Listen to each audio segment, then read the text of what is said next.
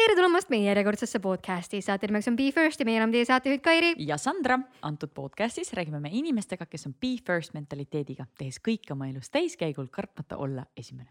ja podcasti käigus me püüame siis aru saada, kuidas nende kogemusi ja harjumusi oma elus rakendada paremate tulemuste saavutamiseks. täna on meil saates külas üks väga põnev mees, ta on matkajuht. ta on fotograaf. ja kirjanik. ja lihtsalt kõige filosoofilisem ja metam vend, keda ma kohanud olen. Vau, see oli päris hea. tere tulemast saatesse, Romet Vaino. Sportland, Be First podcast.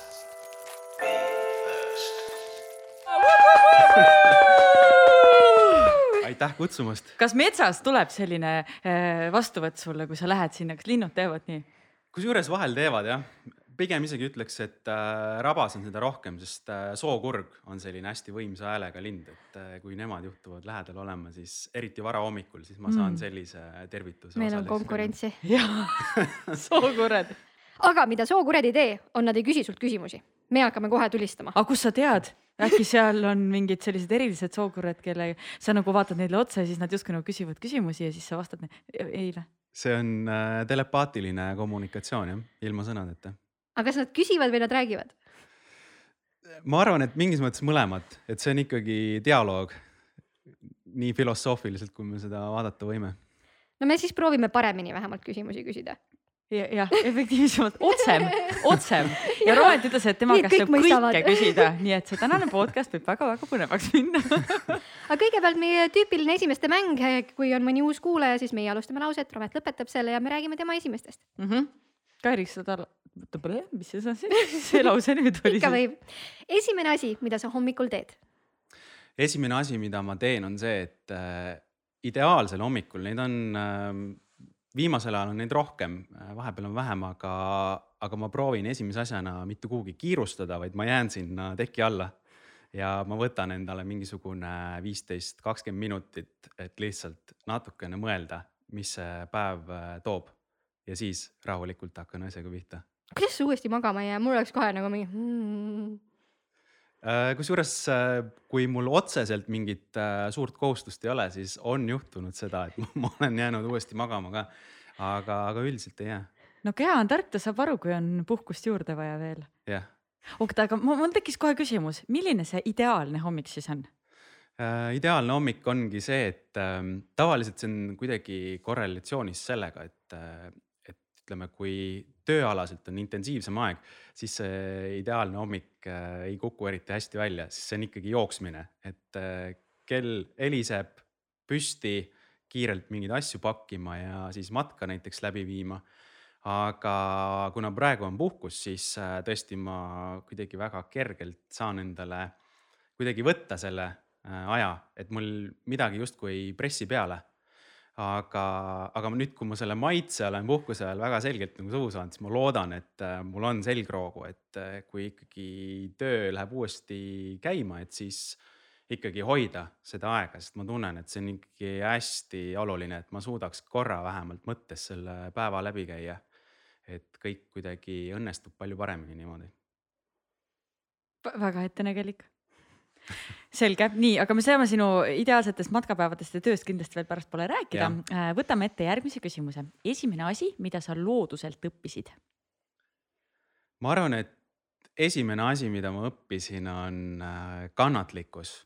et see, et äh, kui sa tahad midagi näha või midagi kogeda, siis see, see ei juhtu niimoodi, et sa kõnnid ja lihtsalt loodad, et see juhtub, vaid enamasti sa ikkagi pead selle äh, asja äh, ütleme siis, ütleme kõige parem näide on võib-olla mingi looma või linnu nägemiseks, sa pead ikkagi esiteks äh, õppima tundma, kus ta liigub, kus ta elab, äh, millal ta kuskil käib.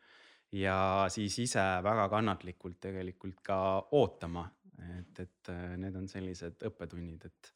ja ma arvan, et ma olen seda päris hästi kandnud nagu muusse elusse üle ka, et asjad võtavad aega kas sul on mingi nipp, mida sa teed või mingisugune meeldetuletus, mis sul on, vaata mõned inimesed teevad endale tätoveeringu või panevad mingisuguse asja endale ümber käe, et, et nüüd on see on see, see tähendab seda, et ma pean olema kannatlikum. kas sul on ka mingi sihuke asi? äh,? ei ole vist, mul on pigem see, et, et vahel, kui ma muutun äh, kärsituks ja seda ikkagi juhtub, sest ma olen inimene, siis äh, mul ikkagi kuskilt äh, tagant kuklast mingisugune signaal ikkagi lõpuks lõikab sellest kärsitusest läbi ja ütleb, et nii, stopp, võta rahulikult. jah, seda peab endale ka meelde tuletama aeg-ajalt. ma arvan, et praegu nagu karantiini ajal meil kõigil on nagu chill imaks läinud, et me kõik oleme lihtsalt nagu kannatlikud ja ootame, et võib-olla see on natukene arenenud nüüd. vähemalt mul küll. ma tahaks loota küll jah mul kaob see ära iga kord, kui ma podcast'e teen, eriti Kairiga, sellepärast et siis tekib see, et ma tahan, ma tahan nüüd küsida ja siis tahab tema küsida, siis ma nii, et Sann, meil on üle miljoni aasta esimest korda, kus meil ei ole videopilti, sa saad näppu tõsta. me saame tagasi, me saame tagasi minna sinna Jaa. originaali juurde. tõsi, tõsi. niimoodi. aga, aga, aga mitte praegu, sest nüüd on minu kord küsida. no okei okay., nii et ma olen kannatlik. esimene kohtumine karuga.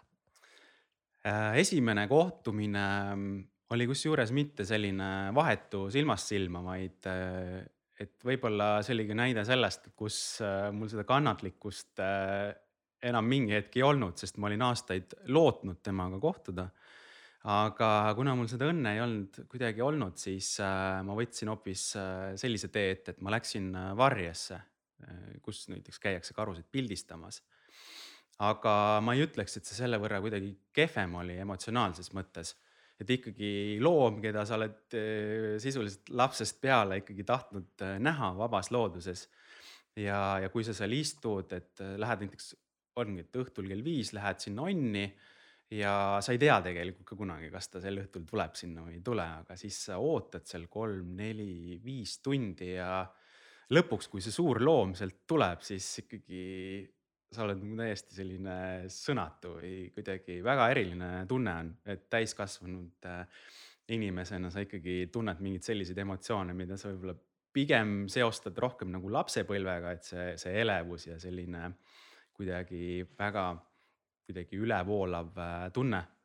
ja minu jaoks oli üllatav ikkagi see, et esiteks, kui, kui ettevaatlik ja pelglik see suur loom on ja teiseks, kuidas ta suudab äh, niivõrd äh, vaikselt liikuda ka, et see esimene kord, kui ta sinna platsile tuli, et praktiliselt mingid.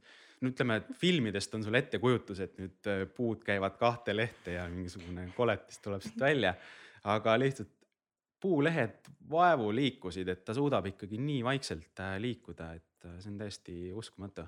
et minu jaoks kuidagi, kes ikkagi karuga läbi kirjanduse ja läbi mingite äh, selliste isiklike huvide selles mõttes ikkagi justkui olin tuttav, siis mingis mõttes ta nagu kirjutas nagu paljud sellised asjad minu jaoks nagu üle või kuidagi see, see vahetu kokkupuude kujundas minu arusaama karu olemusest ikkagi väga-väga palju aga kas sa üldse ei pelga, ta on ikkagi nii suur ja ta on loom, sa ei tea kunagi, kuidas ta käitub ju.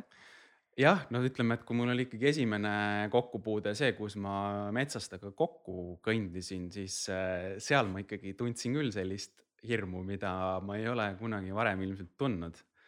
aga, aga pärast seda on huvitav nagu see, et, et minu jaoks see kokkuvõttes ei olnud nagu traumeeriv kogemus. et mõne inimese jaoks on see, et ta näeb karu ja ta enam põhimõtteliselt ei tahagi üksi enam kunagi metsa minna. aga minu jaoks pigem see oli väga julgustav, et, et ma nägin, et tema kartis ka ja kuidagi nüüd aasta aega hiljem, sest ma nägin teda alles eelmine aasta niimoodi.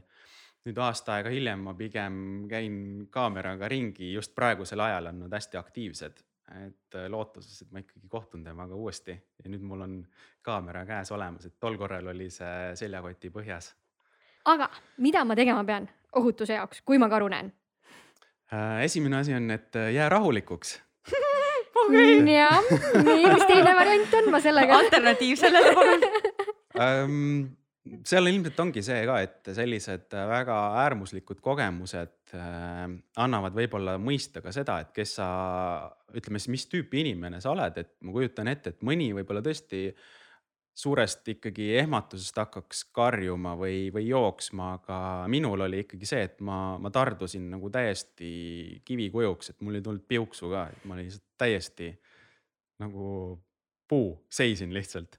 Ja kirjanduses on kohati on minu arust need soovitused ka nagu teineteisele vastu rääkivad, aga aga ikkagi põhimõte on see, et sa ei, sa ei tohiks nagu vehkida või, või ka ära hakata näiteks jooksma, et see on ka üks selline asi, et ikkagi tuleb järgi. oota, aga mis hetkel ma joosta võin nagu, kui nagu, kui ta ikka juba nagu väga nagu lähedale tuleb, kas siis ma võin või siis on ka tibusammudega vaikselt niimoodi, et seal on ähm, noh, üks asi on ka see, et mille vastu mina näiteks eksisin, oli niimoodi, et kui ma karu nägin ja ma olin täiesti nagu ka mõttes selles mõttes halvatud, et äh, need äh, õpetused, mitte ükski asi ei tulnud mulle nagu meelde. ja ma lihtsalt nagu vaatasin talle kogu aeg otsa ja siis esimene asi, mis mul tuli meelde, et ma ei tohiks talle silma vaadata et see mõjub kuidagi väljakutsuvalt yeah. metslooma jaoks loogiline. et pigem sa peaksid äh, ikkagi vaat-, vältima siis ütleme seda silmsidet. Ja, ja siis teine asi on see, et sa peaksid hakkama selg ees äh, rahulikult taganema. et see oleks nagu ideaal.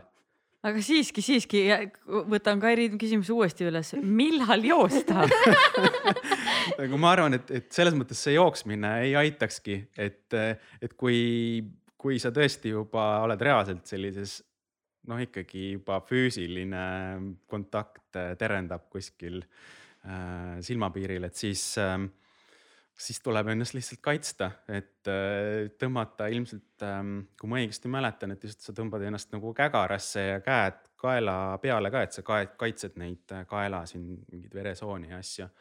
et äh, ja siis loota, et ta võib-olla äärmisel juhul natukene pureb sind ja läheb minema, sest ega sellist nagu ikkagi, kui me Ameerika puhul me räägime, et grizzly'd ja sellised, nemad on ikkagi hoopis äh, teist masti elukad.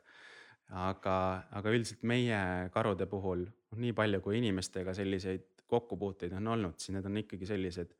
no natukene on tõesti purenud inimest, aga ta ikkagi läheb, läheb minema ja need kokkupuuted on olnud ka pigem ikkagi nii, et äh, väga levinud on see, et äh, on mingisugune jaht näiteks hoopis põdrajaht, et siis ta satub selle ajujahi siis justkui sellesse kasti või sellesse piiramisrõngasse ja, ja kuidagi sealt tunneb ennast nurka surutuna mm -hmm. ja üritab siis nagu seda väljapääsu leida. või siis ta on, karu on näiteks vigastatud, et siin minu arust üks juhtum oli ka sel või eelmisel aastal et äh, karu oli vigastatud ja siis noh, muidugi sa ei jäta vigastatud looma, eriti sellist looma metsa ja siis minu arust oli see, et jahimees läks talle järgi ja siis see karu kuskil ootas teda ja, ja ründas. sa karu. aga, aga ta sai ikkagi sellest karust äh, jagu, sest noh, ta ikkagi, ta ei olnud selles mõttes enam ikkagi täis elujõus, et ta oli ikkagi vigastatud aga need on ikkagi äärmuslikud näited äh,. jah, ärme neist rohkem räägi, sest mitte keegi ei lähe metsa varsti lihtsalt. ma panin Google'isse lihtsalt sisse, et kui kiire karu on, et kas ma saan ära joosta kuuskümmend kilomeetrit tunnis. vist ei jookse ära, vist ei jookse ära nagu. ei jookse jah. okei okay., no tegelikult karu vist ise on ikkagi üsna pelglik loom, et ega ta nii. ta on ikka väga arg loom ja, et äh, ja, ja proovige nüüd backtrack ida, proovige nüüd aga toiduga kuidagi ei saa meelitada nagu koer, koertega vahepeal no, viskad kuhugi midagi ja siis, et no tule, tegelikult, okei okay,, see on, ma, ma rohkem ei küsi neid küsimusi, sest et see lihtsalt jätab väga imeliku mulje minust, ma olen, ma olen maalaps, ma peaksin teadma, teadma neid asju. aga kusjuures ma olen selle, sinuga nõus, et kui sa oled sellises olukorras, siis sul ei tule meelde, mida sa pead tegema, mida sulle keegi kuskil soovitas. et äh, väga tihti on see, et kui oled mingis olukorras, kellelgi on vaja näiteks Äh, haigla, haiglasse pöörduda, on ju. mul on olnud sihuke olukord, et mul ei tule meelde, et üks, üks, kaks. Mm -hmm. see on, see on lihtsad numbrid, aga sa oled nii nagu paanikas või kuidagi sa keskendud täitsa nagu teisele asjale. et äh, päris äh, jah, okei okay.. nii et äh, kõik, kes lähevad metsa matkama, mõelge ikkagi läbi, pange endale, kirjutage käe peale üles nii, aga äh, rääkisime natuke sinu fotograafia huvist ka ja ma mhm. kindlasti saame rääkida sellest veel, aga mis oli sinu esimene pilt? Ma arvan, et see, see konkreetne pilt mulle silme ette äh, ei tule, aga ma ütlen ikkagi väga-väga suur tõenäosus, et see pilt, esiteks ta on tehtud selle kunagi se seebikarbiga äh,, kerid seda filmirulli seal edasi. meie generatsiooni inimene, kes et see on tehtud selle kaameraga ja väga suure tõenäosusega siis äh, täna on seal äh,, ma olen ise Raplast pärit, on äh, terviserada äh,, kunagised sellised äh, savi võtmise kohad, millest on siis alles jäänud tiigid, aga kunagi oli seal äh, enne seda terviserada siis lihtsalt selline met, linnaäärne selline ütleme, võsa või selline pealekasvav mets. ja mu selline lapsepõlv möödus suuresti seal, et ma arvan, et see võis väga suure tõenäosusega olla siis mingisugune pilt mingist veekogust ja sellest loodusest seal. nii et loodusfotograaf juba varasest ajast. jah, võib nii öelda küll no hästi, see käis nii kiiresti praegu, et ma ei, ma ei olnud üldse stardivalmis tead, nagu ma järgmist küsimust võtma. selle karu jutu pealt võtsin lihtsalt nagu räägime nüüd uudistest ma mõtlesin, et kas meil tuleb rekord esimeste episood või ei tule, aga äh, esimene kord, kui olid enda üle uhke ähm,. kui ma püüan kaevuda sinna varajasse lapsepõlve, sest ikkagi tegu on millegi esimesega, siis äh, ma arvan, et see võis olla, et kui ma sain oma esimese suurema kala kätte, et mulle vanaisa õpetas äh, väga varakult kalapüügi selgeks ja kui ma lõpuks sain tõesti ühe sellise päris priske suure ahvena, siis äh, ma mäletan, et selle üle ma olin küll päris uhke kas sa tänasel päeval püüad ka kala? Äh, püüan jah, aga kuidagi ajaliselt vähem ja ma olen muutunud võib-olla ka natukene, muutnud, ütleme siis seda püügiviisi, et äh, selline passiivne müük äh, kuidagi ei köida mind enam.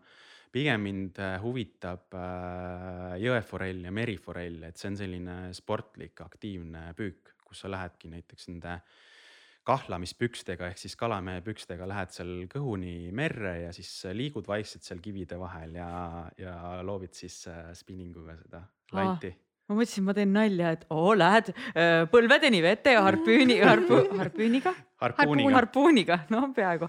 Äh, aga tegelikult nii ongi nagu karud. noh, see on, ütleme, see on siis spinninguga, aga, aga ja, et see on hea, et sa seda kuidagi välja tõid, et, et ma olen natukene äh, proovinud, mul küll vend on seda rohkem teinud, et harpuuniga vee all kalapüük, et see on, seda ma olen ka proovinud, see on hästi huvitav aga sa tundud väga siuke inimene, kes armastab nagu loomi, sest sa pildistad ja nii edasi, et kuidas nüüd siis kalad nagu need vaesed on, kes nagu äh, teid me võib-olla võtame seeks. kuidagi jah, kuidagi kalaga on see natuke lihtsam, aga ma pean tunnistama, et, et jällegi huvitav on see, et needsamad kalaliigid, kellele ma pühendan nüüd viimastel aastatel rohkem aega.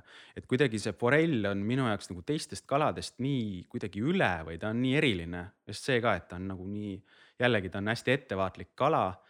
ja kuidagi mul on olnud juhuseid, kus justkui mõõtude järgi, noh, Eestis meil on kehtestatud seal alamõõdud, et millist kala sa tohid võtta ja mul on olnud juhuseid, kus ma olen saanud kala, mille ma justkui tohiks koju kaasa võtta, aga ma tegelikult lasen ta tagasi. Aga kas nendega ei juhtu midagi, kui sa nad kinni püüad ja siis pärast lahti lased või äh,? seal sõltub hästi palju muidugi sellest, et, et vahel nad võivad sul jääda niimoodi landi otsa tõesti, et sa, sa ei saa neid enam vabastada. aga päris tihti on ikkagi niimoodi, et äh, eriti just forell on selline erinevalt haugist, kellel see lant on tihti lihtsalt kuskilt suunurgast natukene kinni. et äh, sisuliselt sa ei tõstagi kala veest välja, sa võtad veest selle konksu sealt suunurgast ära ja lased ta lahti.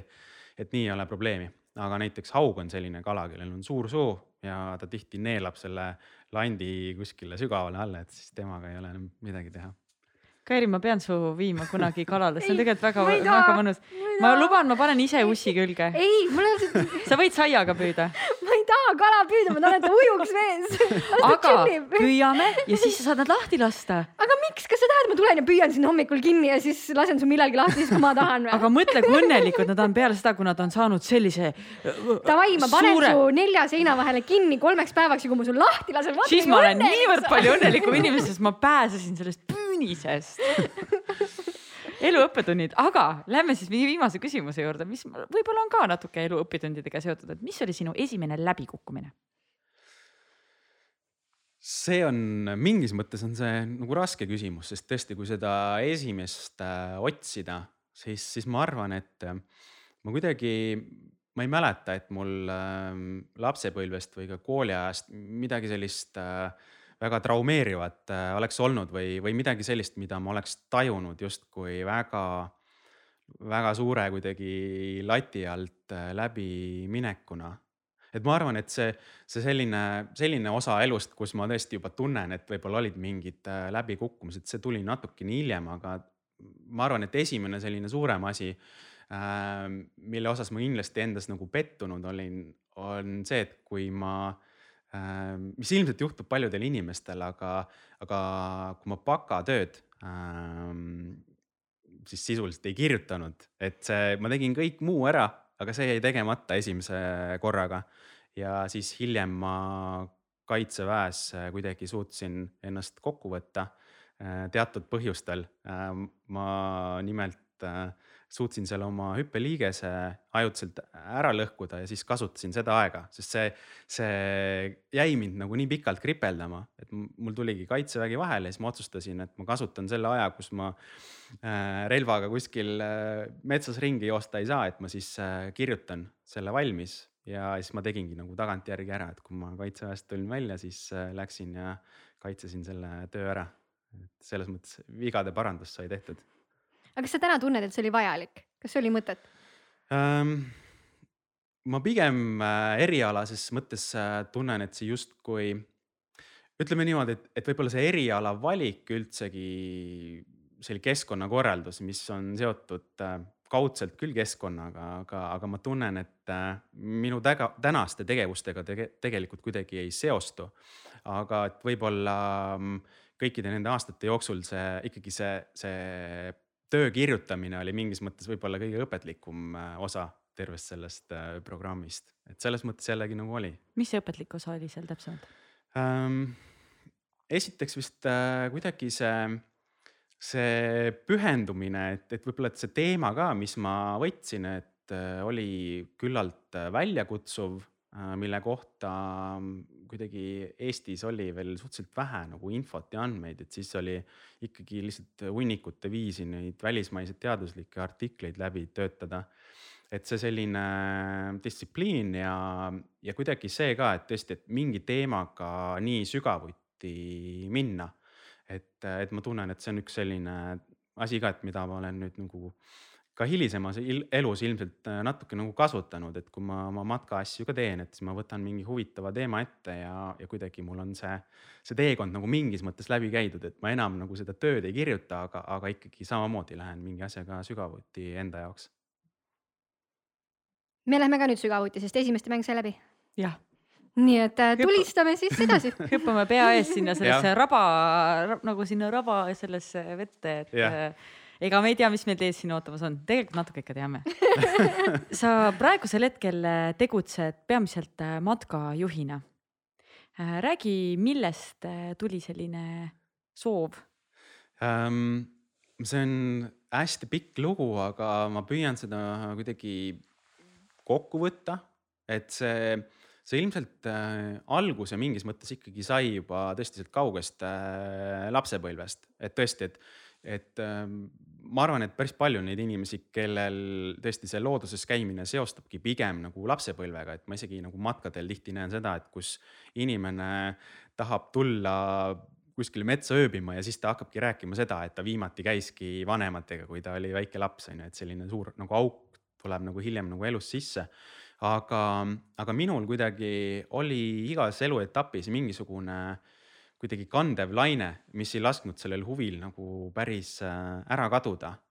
ja mm, olid need siis äh, õpetajad äh, keskkooli ajal, kes kuidagi nägid ka, et mul huvi oli ja suutsid mind, mind kaasata nagu erinevatesse tegemistesse ja projektidesse. ja, mm, ja kuidagi sealt see asi nagu jäi külge mulle, aga üks asi ikkagi, mis hiljem juhtus, oli see, et ähm, et kuidagi ma nägin kõrvalt seda pärast keskkooli, et, et osad äh, inimesed, keda ma teadsin äh,, tegid sellise valiku elus, et, et nad proovisidki oma elu siduda natuke rohkem loodusega äh,. Need olid siis inimesed, kes mingis mõttes olid kasvanud justkui samast äh, siis ütleme kooli seltskonnast välja, kes äh, olid keskkonnaga nagu tugevamas äh, kuidagi kontaktis. ja ma nägin, et neil nagu õnnestus leida mingisugune tee aga ma ise kuidagi tundsin, ma ei tea, kas need on mingid väliskeskkonna mõjutused, et et ikkagi ma pean leidma mingisuguse päris töö, et ma ei, ma ei saa nagu, et see justkui see lapsepõlv saab läbi ja, ja see loodus jääb sinnapaika, et sellega midagi praktilist ei ole peale hakata. ja siis äh, saigi nagu valitud see keskkonnakorraldus, mis mingis mõttes on selline tasakaal selle majandusliku poole ja keskkonna vahel. aga järgnevad aastad kuidagi oli minu jaoks nagu väga sellised ähm, ekslevad, võiks öelda, et ma liikusingi ühelt töökohalt kuidagi teisele, ma igal pool tundsin, et äh, ma ei leia seda nagu oma kohta, et midagi on nagu paigast ära ja siis ma hakkasin nagu mõtlema, et huvitav, et kas, kas see nagu peabki nii olema, kas see on kõigil inimestel nii, et, et sa lihtsalt kuidagi sunnid ennast ja, ja lihtsalt teed seda, mis on vaja teha ja, ja, ja lepid nagu sellega. ja, ja ma kuidagi proovisin seda teha ka, aga ma mingite aastate jooksul ähm, kuidagi jõudsin sellisesse punkti, et, et ma tundsin, et see konflikt kuidagi iseenda sees läks nagu nii suureks et ma ei suutnud seda nagu varjata ja võib-olla seal tuleb ka nagu välja selline võib-olla see isiklik eripära, et tõesti, et mõned inimesed suudavadki kuidagi omaks võtta selle, et kui väline maailm ütleb, et asjad on nii, siis sa nagu kohaned sellega. Aga minul kuidagi see sisemine soov oli nii tugev, et ta ei olnud nõus nagu leppima sellega ja, ja siis seda enam, et ma üritasin veel ennast kuidagi sundida siis ma nagu jõudsingi sellisesse nagu ummikseisu, et kus äh, mingil hetkel ma tundsin, et ma ei teagi nagu, mida ma oma eluga nagu edasi peaks äh, tegema. ja, ja siis äh, see tekitas lõpuks ka selle, et, äh, et tekkisid tervislikud probleemid, kõigepealt uneprobleemid siis tekkisid ärevushäired ja nii edasi, et see kuidagi kasvas, lumepall kasvas kuidagi nii suureks et, äh, et mingi hetk nagu toimuski selline nagu vaimne kollaps, mille üle mul tegelikult kokkuvõttes on ikkagi nagu hea meel. et, et see oli see hetk, kus äh, ma hakkasin tundma, et, äh, et olgu selle välismaailma, kuidas on, et ma pean ikkagi mingisuguse tee leidma. ja ma sain aru, et ma ei leia seda teed niimoodi, et ma lihtsalt homme otsustan, et ma hakkan nüüd äh, mingisuguseid matkasid tegema, seda enam, et sel hetkel ma olin pigem selline äh, nagu sissepoole elav inimene ka, et, et ma ei ole harjunud tegelikult niimoodi inimeste ees midagi rääkima. vähemalt kooli ajal ma olin väga nagu kinnine inimene. ma siis ei ütle, kui paljud inimesed sind kuulama hakkavad ja siis ähm, kuidagi oli ka see, et, et ma tundsin, et, et tõenäoliselt ma ei sobiks nagu matkajuhiks, sest äh, mul on nagu raske inimeste ees olla. ja ja siis kuidagi selles äh, sünges augus olles äh, toimus selline huvitav nagu tagasipõrge, et sa oled nagu nii kuidagi nurka surutud, et sa nagu tahad natuke nagu elule hambaid näidata ja, ja teha midagi täiesti teistsugust. Ja ma otsustasin, et, äh, et ma tahan proovida nagu kastist välja hüpata ja prooviks hoopis nagu müügitööd. Ja siis mille peale nagu inimesed ütlesid, et sina ja müügitööd täiesti nagu absurdne nagu miks ja mm, ma ikkagi tahtsin seda proovida ja siis järgnevad aastad tegelikult oligi see, et ma sain tegelikult iseenda osas päris palju nagu targemaks. et, et ma esiteks sain aru, et ma suudan inimestega rääkida küll, et see oli minu enda ettekujutus lihtsalt, et, et ma, ma ei sobi sinna või ma ei, ma ei suuda rääkida kuidagi või ennast väljendada. ja, mm, ja see nagu andis mulle päris palju nagu sellist uut mõtteainet ja avardas nagu mingis mõttes nagu sellist tuleviku perspektiivi, et ma hakkasin ennast nagu fantaseerima ka mingitesse rollidesse, äh, millesse ma varem ei jul-, ei olnud julgenud nagu ennast nagu panna, vähemalt mõttetasandil. ja mm, kuigi ma ikkagi seda sellist sisemist rahulolu nende aastate jooksul nagu ei leidnud, siis mis juhtus, oli see, et, et ka läbi sellise vaimse tagasilöögi ma kuidagi sain ka aru sellest, et, et ma olin korraks nagu triivinud sellest loodusest päris kaugele. ja siis äh, mingi hetk hakkas see pusle nagu vaikselt kokku minema. Äh, esiteks ma hakkasin äh, kirjutama esialgu lihtsalt iseenda jaoks blogi, aga ma käisin ikkagi tööl edasi, sellisel päevatööl nagu. ja, ja siis, mis sealt blogi kirjutamisega nagu juhtus, oli see, et ma kuidagi leidsin selle looduse enda jaoks nagu uues valguses, et tõesti, kui varem ma käisin seal linde või loomi pildistamas või jälgimas, siis äh, ma hakkasin nagu märkama ka neid teisi väärtusi, et see tõesti, et, et sa leiad seal mingisugust sellist äh, võimalust nagu vabanemiseks või selliseks pingelanguseks, mind hakkas huvitama see, et ikkagi, kuidas see looduskeskkond inimese psüühikat ja füsioloogiat äh, mõjutab. Ja ja kuidagi sealt edasi vahepeal ma ei olnud tegelikult kuskil kümme aastat pildistanud ja see oli ka üks asi, mis nagu kripeldas mind ja siis äh, ma otsustasin, et ma ikkagi nüüd hangin uuesti endale varustuse. hakkasin pildistama ka e, puhtalt juba sellepärast ka, et, et ma tahtsin sinna blogile seda visuaalset äh, kuidagi poolt juurde tuua. ja, ja mingi hetk juhtus see, et et ma nägin, et mul hakkas vaikselt tekkima lugejaid, tegin Facebooki lehe, seal tekkis äh, mingisugune huvi. ja aeg-ajalt inimesed küsisid, et kas saaks nagu kaasa ka tulla. et see kõik tundub väga huvitav. ja kuigi esialgu oli tõesti nii, et ma lihtsalt vahel kutsusin mõne inimese endaga kaasa, et no hea küll, tule siis, et ma ei teinud justkui seda matkana siis äh, kõik see nagu hakkas äh, söötma kuidagi sisse seda ideed mingis mõttes, et et võib-olla ma võiksingi neid matkasid äh, tegema hakata. ja kui ühel hetkel juhtus siis see asi, et, ähm, et ma olin kuidagi oma blogi ja asjaga nagu joone peale saanud, et siis, ähm, kus ma parasjagu töötasin, äh, ma sain teada, et äh, ettevõte on sattunud keerulisse olukorda ja mingi osa inimestest tuleb koondada. ja üks neist olin siis mina ka, see oli siis kaks tuhat seitseteist juunikuus.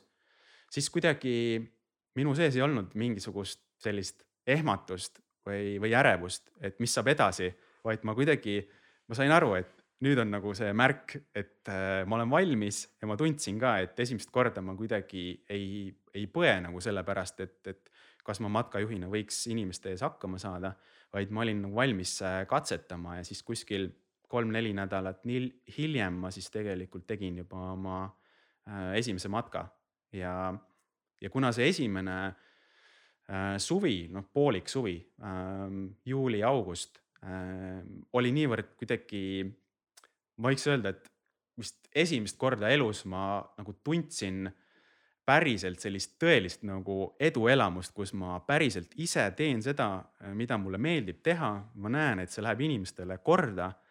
ja see kuidagi jättis mu sisse nagu nii tugeva tunde et ma otsustasingi, et, et ma ei hakkagi nagu otsima, sest kui, kui, kui mul algul oli mõte, et ma teen seda kuidagi põhitöö kõrvalt, siis ma otsustasin, et ma panen nagu kõik panused selle peale ja võtan selle riski. seda enam, et kuidagi need eelnevad aastad väga nagu rõõmsad kuidagi minu jaoks ei olnud.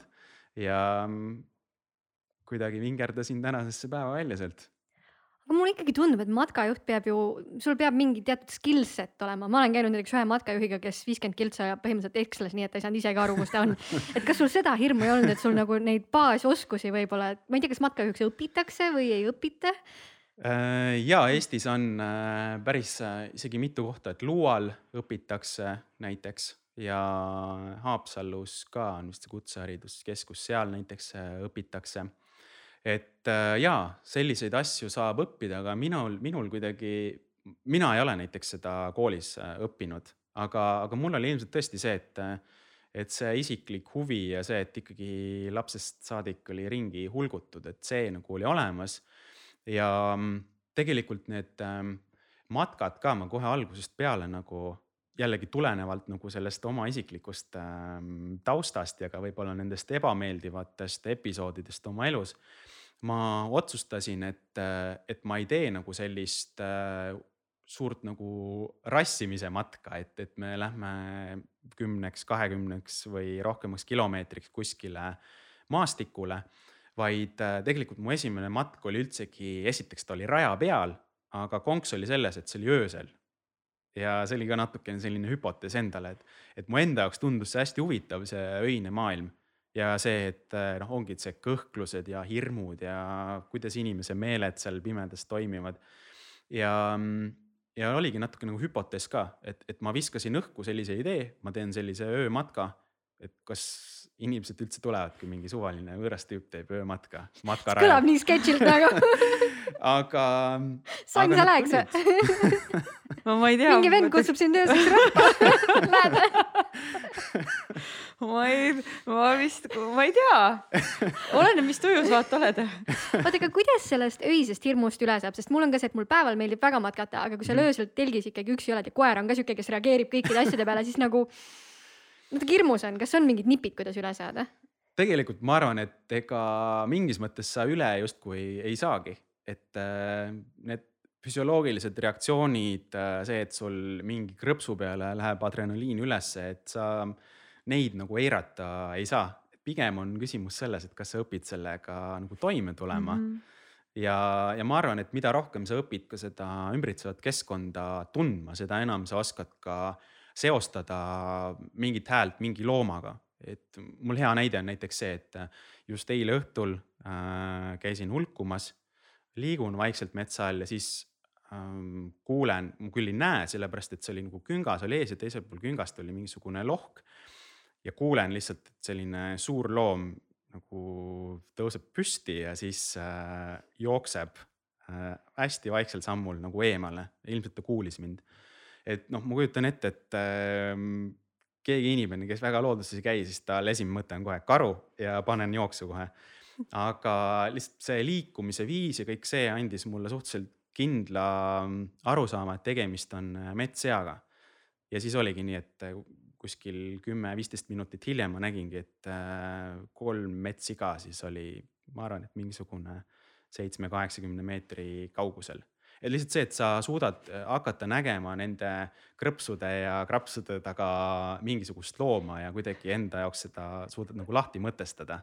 see eeldab, et ma pean telgist välja minema, vaatama, kes selle kripsu-krapsu tegi ja proovima mitte südarit saada vahepeal esialgu kasvõi nii jah, et, et sa võib-olla ehmatad ära, et sa paned selle lambi põlema ja vaatad, et. see okay, tundub halb plaan, parem on nagu tõmmata kott pähe ja loota, et hommik tuleb et nad kõik ei ole sul seal hommikul ümber nagu, nagu siis, kui see äh, punametsika ärkas üles seal hommik, ei, lumivalgeka ärkas hommikul seal seitsme päisa, päika, päisa, päkapoisi juures, päkapoisi, okei. Okay., pöialpoisi juures. Ja kõik loomad olid ümber, see vist ei, päriselt ei tööta nii. ma võtaks pöialpoisid nagu üle, ei tegelikult ei võtaks, las olla need rebased aga mul on küsimus, mina kardan ka ja minu hirm on just äh, loomad. loomad, ma mõtlesin just, et inimesed, sest see tundub isegi veel hirmsam kui loomad. Ei, ja ma ei, selle peale pole isegi võib-olla mõelnud, aitäh sulle nüüd selle uue hirmu eest.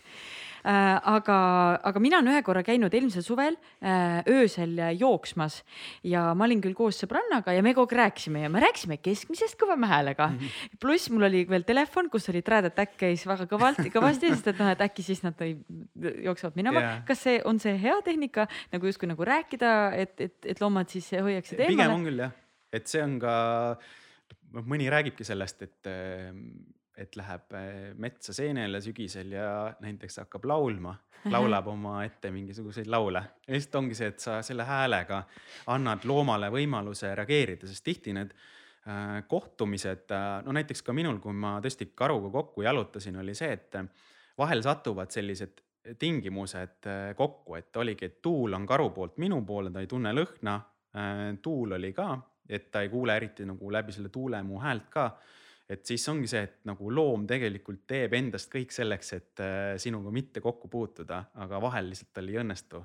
ja siis, kui sa teed mingisugust äh, häält või, või lased muusikat, on ju, et siis äh, sa annad talle ikkagi selle võimaluse enne ära minna aga me oleme päris palju nippe siin andnud, aga kui sa peaksid andma kolm konkreetset nippi ühele alustavale matkajale, siis mis need oleksid mm,? Ma ise arvan, et äh, näiteks ma märkan, et hästi palju on äh, tekkinud, eriti ilmselt ka sellest koroona ajast tulenevalt, et äh, kõik need soovitused, kuidas panna riidesse ja mis jalanõud ja nii edasi. et ma arvan, et seda on juba noh, peaaegu küllastumiseni, kuigi ma näen ikkagi igapäevaselt, et mingid inimesed lihtsalt ei võta seda infot omaks ja ikkagi panevad võib-olla valesti riidesse ennast.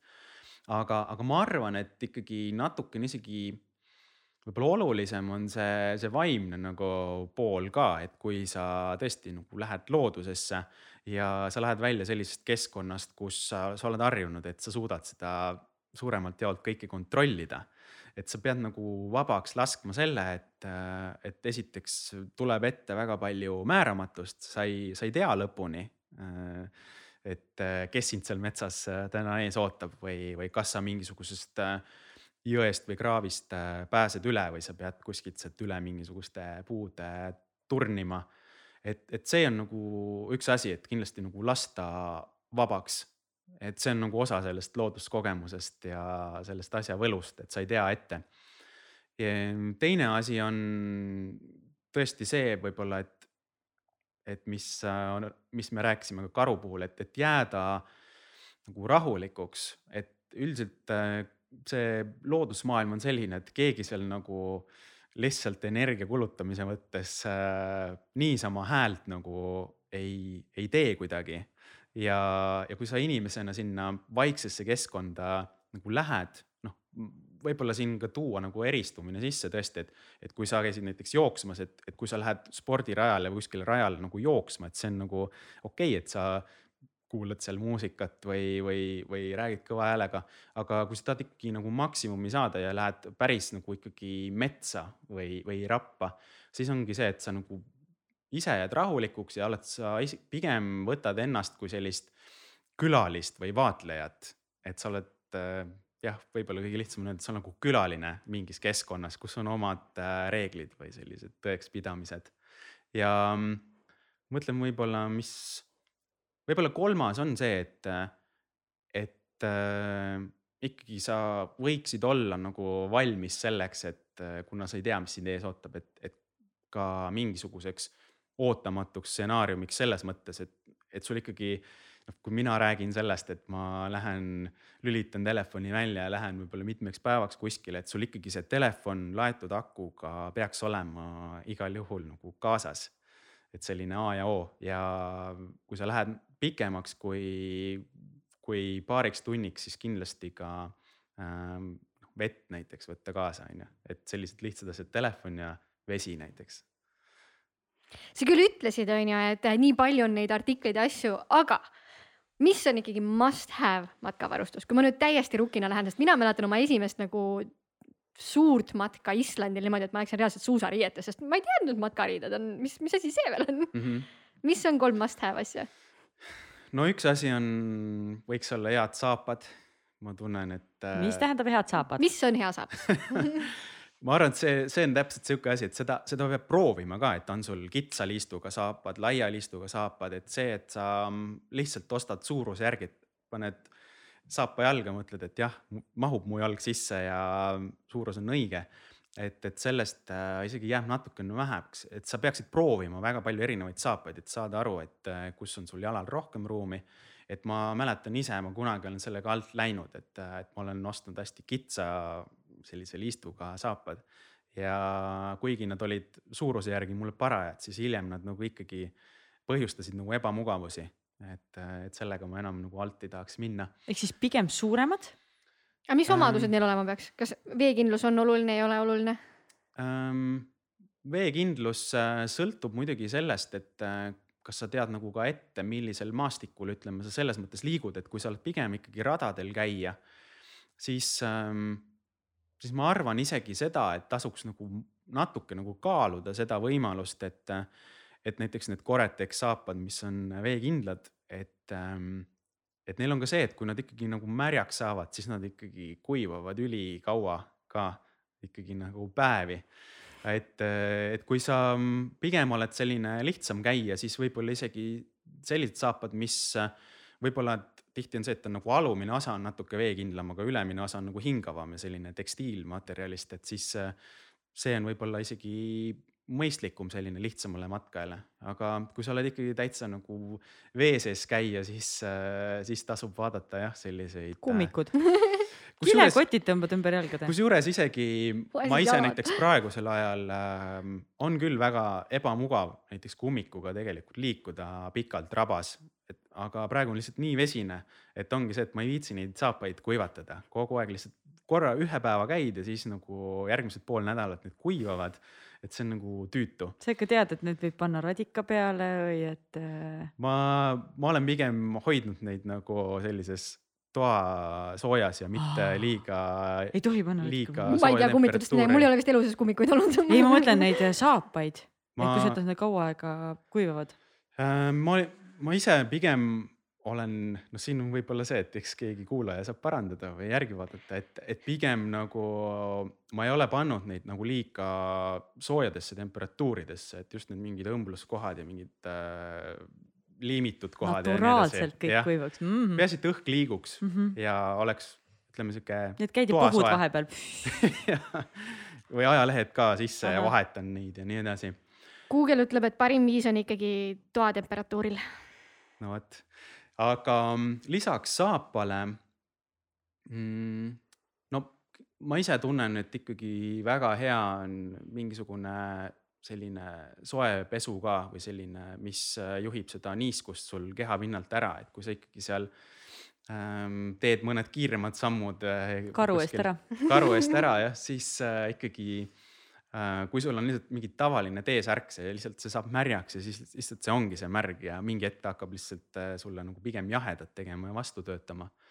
et selline noh, ongi, kas ta on siis nagu selline võrkpesu või, või mingil muul viisil et, et selline asi on kindlasti aluskihina nagu väga hea. ja noh, kolmas asi, ma isegi noh, kui peaks valima, et kas, kas püksid või, või siis mingisugune jopp äh, või, või mingisugune jakk, siis ma isegi pigem keskenduks sellele ülaosale, et võiks mingi tuule ja veekindel äh, selline asi olla, mis, äh, mis kaitseb sind selles mõttes vihma eest, jah aga see vist on nagu sportimisega ka, et äh, kihid Just, on hästi oluline. kihid on oluline. sest et iga kord sa saad, kui läheb palavaks, siis võtad jälle ühe kihi ära ja paned selle endale kuhugi kotti ja et kui sealt oled ühe suure, ma ei tea talvejopega nagu Kairi käis onju, siis. väga seda, raske oli, eriti Islandil, kus sul on nagu viis aastaaega viie minuti jooksul. Jah, see, ma näen seda päris palju, kusjuures ongi see, et inimestel äh, tihti on see kuidagi ka mugavusest, et nad löövadki kuidagi käega, et ah, ma panen lihtsalt selle sooja jope Aha. ja ongi korras, aga pärast see tekitab nagu nii palju äh, probleeme, et lihtsam on ikkagi võtta need mõned lisakihid kasvõi seljakotis kaasa ja nii on nagu lihtsalt väga palju mõnusam sest mina mäletan minu anatoomia õppejõud äh, Meeli Ro äh, Roosalu. mul on siuke tunne, nagu ma tunneks teda juba, sest ta on nii palju siin podcast'is läbi käinud. nii, mis ta jälle rääkis? Meeli ütles alati, et äh, pigem pane natuke vähem ja. ja las olla sul natuke jahe, kui see, et sa kuumened üle, siis sa oled, nagu sa ütlesid ka, higine ja keha mhm. saab, äh, saad kuskilt tuult, saad külma, et see on palju ohtlikum, et okei okay väga hea, mul on kõik vajalik olemas, võin matkama minna eh, mina tahaksin teada sihukest asja ka, ma päris hästi ei kujuta ette, milline näeb sinu tööpäev välja mm, -hmm. sest ma saan sellest matka osast on ju aru, aga ja. mis sellele eelneb üldse? Eh, neid päevi on ähm, väga palju erinevaid, aga kui on ikkagi selline intensiivne periood, siis äh,, siis see on nagu mitte midagi romantilist, et ma olen ise ka mõelnud, et ma peaks nagu rohkem näitama inimestele, et, et tihti on kuidagi see, et nad näevad ainult seda matka osa ja siis mõtlevad, tahaks ka mm, -hmm. nii äge. seal on nagu ikkagi, ma arvan, et mingi seitsekümmend, kaheksakümmend protsenti on nagu sellist osa, mis ei ole nagu tore. no spill the beans um,. kõigepealt on see, et uh, ma mõtlen nagu uh, läbi ka sellest, et ütleme, et kui keegi selle matka tellib, et siis äh, ma üritan ka aru saada, et mis nende füüsiline võimekus on ja millist ähm, maastikku ja isegi, et millist nagu raba ma saaks neile nagu pakkuda. selles mõttes, et rabasid on väga palju erinevaid ka, et mõni on füüsiliselt palju raskemini läbitav kui, kui teine. et ma mõtlen kõik sellised asjad läbi ja siis äh, muidugi ka see, et äh, et ma olen ise võtnud endale sellise lisakohustuse, millega ma võib-olla edaspidi püüan vähem tegeleda, on siis see, et, ähm, et ma olen üritanud ka siiamaani väga paljudel juhtudel ise äh, kokata, teha kuskil äh, Rabasaarel näiteks äh, süüa. Ja see tekitab nagu tohutu palju nagu lisatööd, et ongi see, et sa lähed poodi, ostad need asjad ähm,. arvestadki sellega, et võib-olla grupis on, võib-olla nad ei, näiteks lihatoite ei söö, on ju, et siis sa vaatad kõik need asjad üle, et oleks kõik õigesti. ostad need toorained äh,, siis ähm, vaatad veel üle, et sul on äh, kõik need kausid, lusikad, priimused, gaas ähm,, kõik muud asjad äh, kõik kaasas. Räätsad äh, paned äh, valmis ja siis lähed seda matka tegema ja see ongi, et üks asi, sa teed seda kuskil ümmarguselt võib-olla neli tundi seda matka. kui sa lähed koju tagasi, siis sa pakid need asjad lahti, puhastad ära, pesed nõud ära ja nii edasi ja mm, noh, näiteks talvel on see, et ma üritan nagu aega kokku hoida nagu selle pealt, et, äh, et kuna on külm, siis pigem selle toiduga võiks kiiremini minna. siis tähendab ka seda, et sa hakid kodus sibulat ja teed mingeid siukseid asju. et äh, väga paljud asjad on, ütleks isegi enamik asju pole üldse nagu selle matkajuhi tööga nagu seotud. aga eks need on nagu sellised asjad, mis ma olen nagu ise teadlikult endale nagu võtnud ja, ja võib-olla mõneti nagu tunnengi seda, et, et edaspidi võib-olla lükkaks need asjad mõne teise inimese õlgadele ja ise keskenduks siis ikkagi puhtalt sellele asjale, mis, mis on see minu äh, spetsialiteet. et tõesti, et kui sul äh, on hooaeg, siis ongi see, et sul kõik see muu elu kaob ära, et lihtsalt nii palju, kui sul jääb sellest sibula hakkimisest ja asjade puhastamisest ja ettevalmistamisest ja matkade läbiviimisest alles, et selle sa kasutad lihtsalt magamiseks ära. ja lihtsalt muud, muud ei olegi, et see on nagu päris äh, Äh, kurnav ja näiteks ma kogesingi hiljuti seda, et, et see aasta lõpp äh, ja uue aasta algus, kui piirangud veel äh, lubasid matkasid teha, aga samas siseüritusi ei saanud teha. et siis need inimesed pidid ju kuskile minema, siis nad tulid kõik ettevõtetega oma üritusi tegema värskesse õhku. ja no minu jaoks tähendas see nagu tohutut hooaega ja kui ma nüüd märtsis lõpuks võtsin endale selle puhkuse palun see... ütle kuulajatele, kui pika puhkuse sa võtsid, sest see ei ole normaalne. see, ma ei tea, millal ma selle lõpetan aga, aga see on kuskil ümmarguselt võib-olla kaks kuud jah poolteist, kaks kuud. me tavainimesed käime siin nädala kaupa, kahe nädala kaupa. ja siis, äh, mis näiteks tuligi välja jälle see, et sa, sa võid jääda nagu sellesse rattasse nii tugevalt kinni, et, et sa teed seda, mis sulle nagu mingis mõttes meeldib teha. ja sa üritad nagu inimeste jaoks olemas olla ja siis, kui sa võtad puhkuse ja sul on puhkuse jaoks ka kõik suured plaanid, kuidas sa lähed loomi ja linde pildistama, siis tegelikult esimese nädala ma olin praktiliselt terve nädal olin diivanil, ma lihtsalt nii väsinud, magasin kogu aeg. ärkasin hommikul ülesse, sõin, läksin uuesti magama ja siis ma nagu sain aru, et ma olin tegelikult ikkagi kehale väga palju nagu liiga teinud. et, et edaspidi noh, see puhkus on olnud nagu hea õpetaja, et ma proovin nagu nende asjadega nagu tagasi tõmmata, delegeerida mingeid asju ja nii edasi, et, et, et ma arvan, et see matkajuhi äh, töö ei peaks ilmtingimata nii kurnav olema, et see on ikkagi olnud mu enda nagu valikute küsimus ka matkajuhil ja matkajuhil on vahe ka, et ma arvan, et kõigil matkajuhtidel ei ole kogu aeg käed, äh, tööd, jalad täis. et siis, kui ma küsisin ka matkajuhi soovitust, nii paljudest kohtadest tuli sinu nimi välja. mis su fenomen on, miks inimestele just sinuga meeldib väljas käia mm,?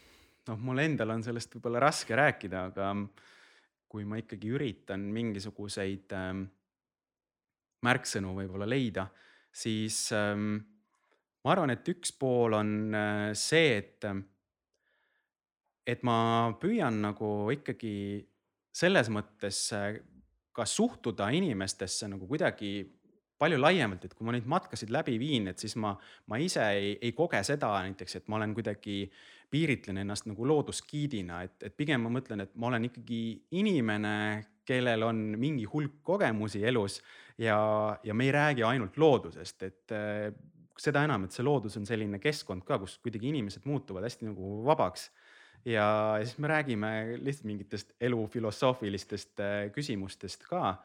ja, ja ma arvan, et et üks pool võib-olla ongi sellest, et, et ma olen rohkem nagu selline ajutine sõber seal äh, matkal, et see nagu üks pool ja siis ähm, teine asi on võib-olla ka see, et, äh, et ma püüan äh, esiteks läbi isikliku kogemuse ja ka selle, et nii palju, kui ma olen suutnud mingit kirjandust nagu lugeda et ka nagu seda loodust ja looduses käimist natukene rohkem kuidagi lahti mõtestada ka. Et, et ei ole lihtsalt see, et, et, et ma räägin sulle nüüd siin ühest linnuliigist või, või mingisugusest puuliigist või, või mingist loomast.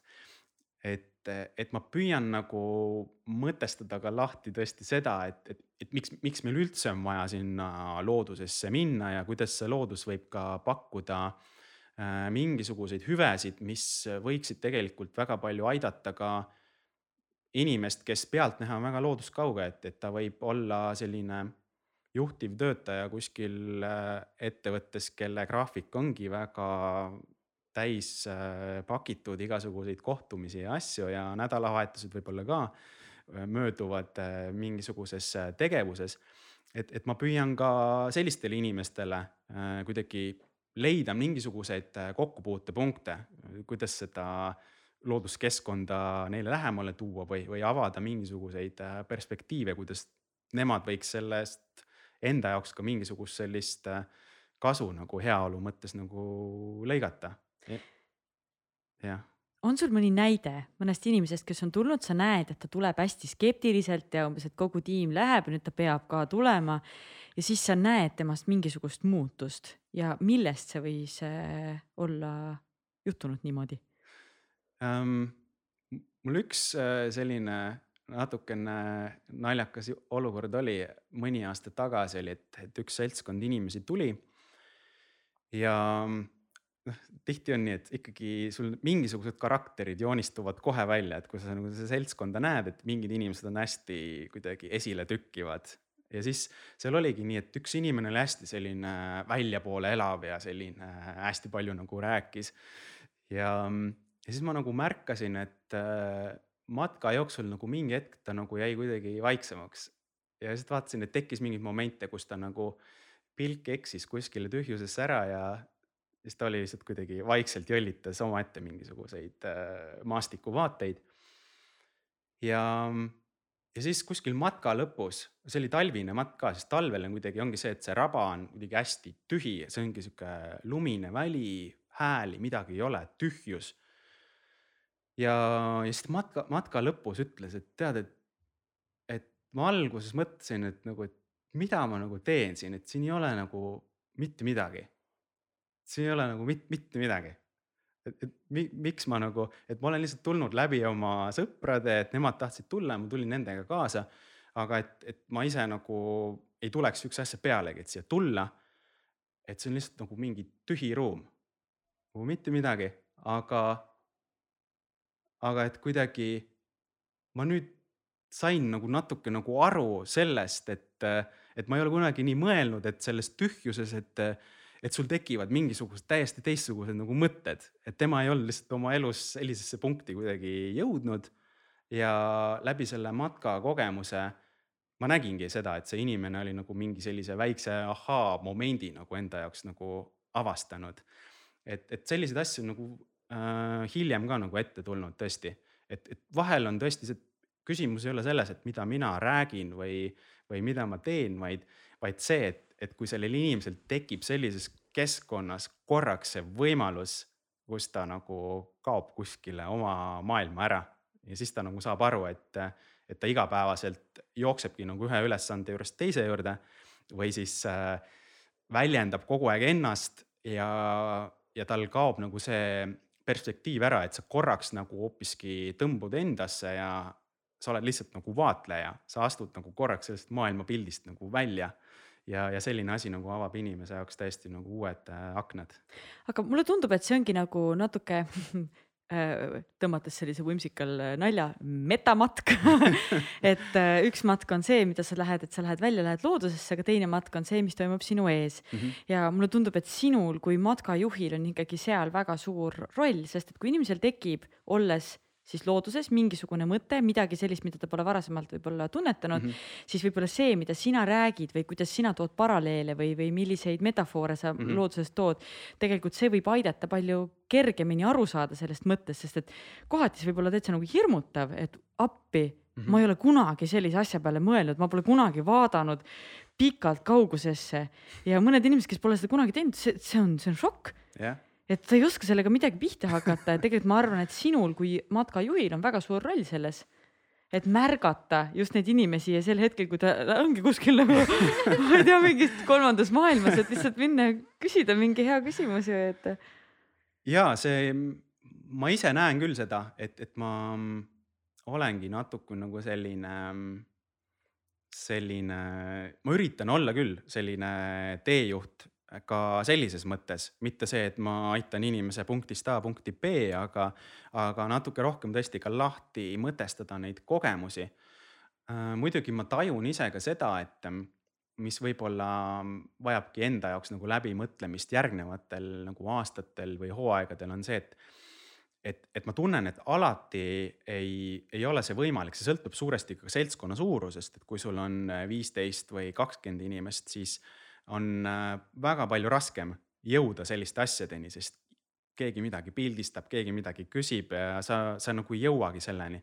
et see kohati ma tunnen, et ma jään nagu mingite seltskondadega nagu hätta, et nad on nagu liiga seal täiesti selles teises ääres ja mina üritan siis nagu natukene sikutada neid sinna sellise sisemaailma poole, aga, aga see on nagu kohati päris raske, et see on mm -hmm. nagu mhm. suur äh, väljakutse mulle endale ka sa ise vist veedad päris palju aega oma sisemaailmas, et kui sa enne ütlesid, et sa seal varjendis istud neli-viis tundi, siis ma kogu aeg mõtlen, et mida sa teed seal kas sa reaalselt veedadki lihtsalt neli-viis tundi ainult oma mõtetega um,?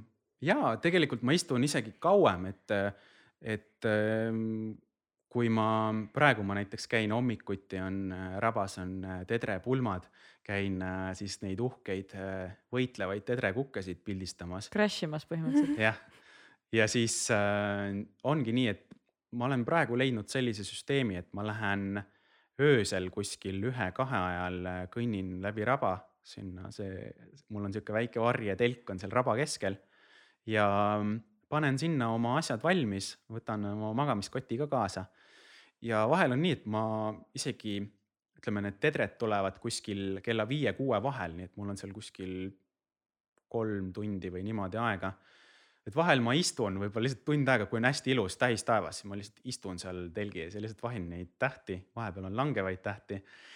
ja, ja mingi hetk ma lähen ma isegi ei saaks öelda, et ma väga hästi sellistes olukordades magan, sest pigem ma olen natuke nagu ärev ka, sest ma ei tea, mis see hommik nagu tooma hakkab.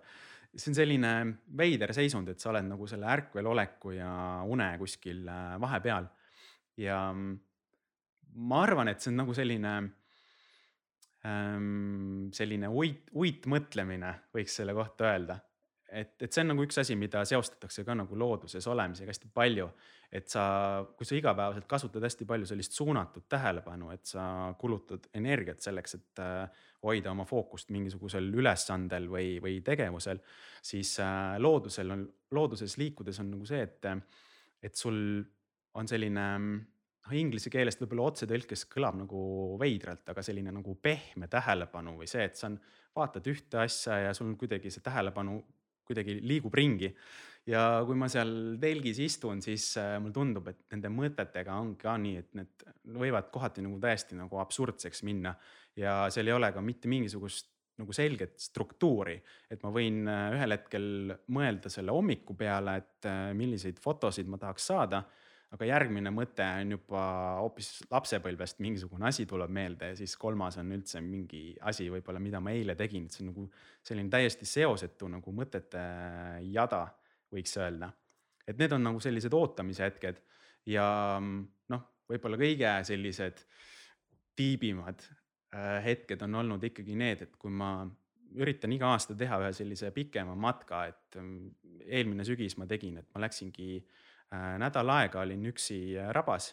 Äh, telefon, telefon oli muidu välja lülitatud, aga mida ma ikkagi vastutustundest tegin, oli see, et igal õhtul saatsin sõnumi, et äh, olen elus ja siis lülitasin nagu välja tagasi. aga lihtsalt, et sa nädal aega oled nagu üksi ja sa pead äh, liikuma siis läbi kuskil kaheksakümmend kilomeetrit läbi rabade, kus äh, radasid ega midagi ei ole. et, et see oli nagu päris veider kogemus, siiamaani mõtlen, et et ta nagu aitas mul jõuda nagu mingisuguste kihtideni, kus ma varem ei olnud jõudnud, sest seal oli lihtsalt väl-, tingimused ja need väljakutsed olid nagu ikkagi, ma tundsin kohati nagu sellised piiripealsed, et äh, ma oleks vabalt võinud ka selle matka nagu katkestada, aga kuidagi venitasin lõpuni välja mina tahan ikkagi selle pildistamise juurde veel tulla, sellepärast et ma kogu aeg vaatan ikka sul Instagramis, kui sa jäädvustad seda. kas on mingid hetked, mida sa südamest kahetsed, mida sa ei ole tabanud mm,?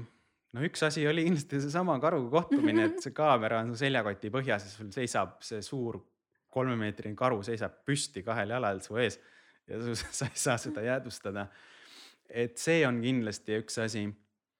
ja mm, ma arvan, et ähm, mõtlen, kas ma olen no lapsena mul oli kunagi üks juhus, ma nägin äh, Ilvese poega äh, ka äh, metsas, see oli hästi huvitav kogemus, mida ma ka hiljem olen mõelnud, oleks siis kaamera olnud. ja, ja veel mingeid äh, juhtumisi, kus mingi loom või lind on väga-väga-väga lähedal olnud, et kopraga, noh, kobras on tegelikult suhteliselt levinud ja tavaline loom, aga mul oli üks selline juhus kusjuures mul oli kaamera kaasas, aga ma olin amatöör ja ma ikkagi pildistasin väga valesti, nii et mul seadmed olid paigast ära, nii et ma, ma ei saanud ühtegi tõsiseltvõetavat pilti. aga ma istusin nii, et äh, mina ja siis minust kuskil pooleteist meetri kaugusel oli kobras, kellel oli puutükk oli käes ja ta sõi seda ja siis me lihtsalt istusime niimoodi kahekesi seal. et ei saanud ühtegi normaalset fotot, et kahju. oled sa, no okei okay kas sul on äh, täna mingi suurem eesmärk ka fotograafiaga? Äh, kusjuures fotograafiaga on äh, võib-olla selles mõttes küll, et, et ma olen siiamaani olnud ja pidanud ennast ikkagi selliseks hoo pealt pildistajaks, et mul on lihtsalt see kaamera ripub kuskil kaelas kaasas ja kui ma midagi ilusat näen, siis ma mööda minnes teen foto. aga nüüd viimase aasta jooksul ma olen päris palju ressurssi pannud selle alla, et endale uusi objektiive ja varustust juurde hankida. ja, ja ma tunnen, et äh, ma tahaks selle peale hakata nagu rohkem aega kulutama, no tegelikult nüüd mu puhkus ongi üheksakümmend protsenti sellest on läinud äh, selle pildistamise alla. ja see ka, et ma nende aastaid tegelikult pildistasin ainult maastikke, aga nüüd on nagu need loomad ja linnud kuidagi rohkem fookusesse tulnud ka.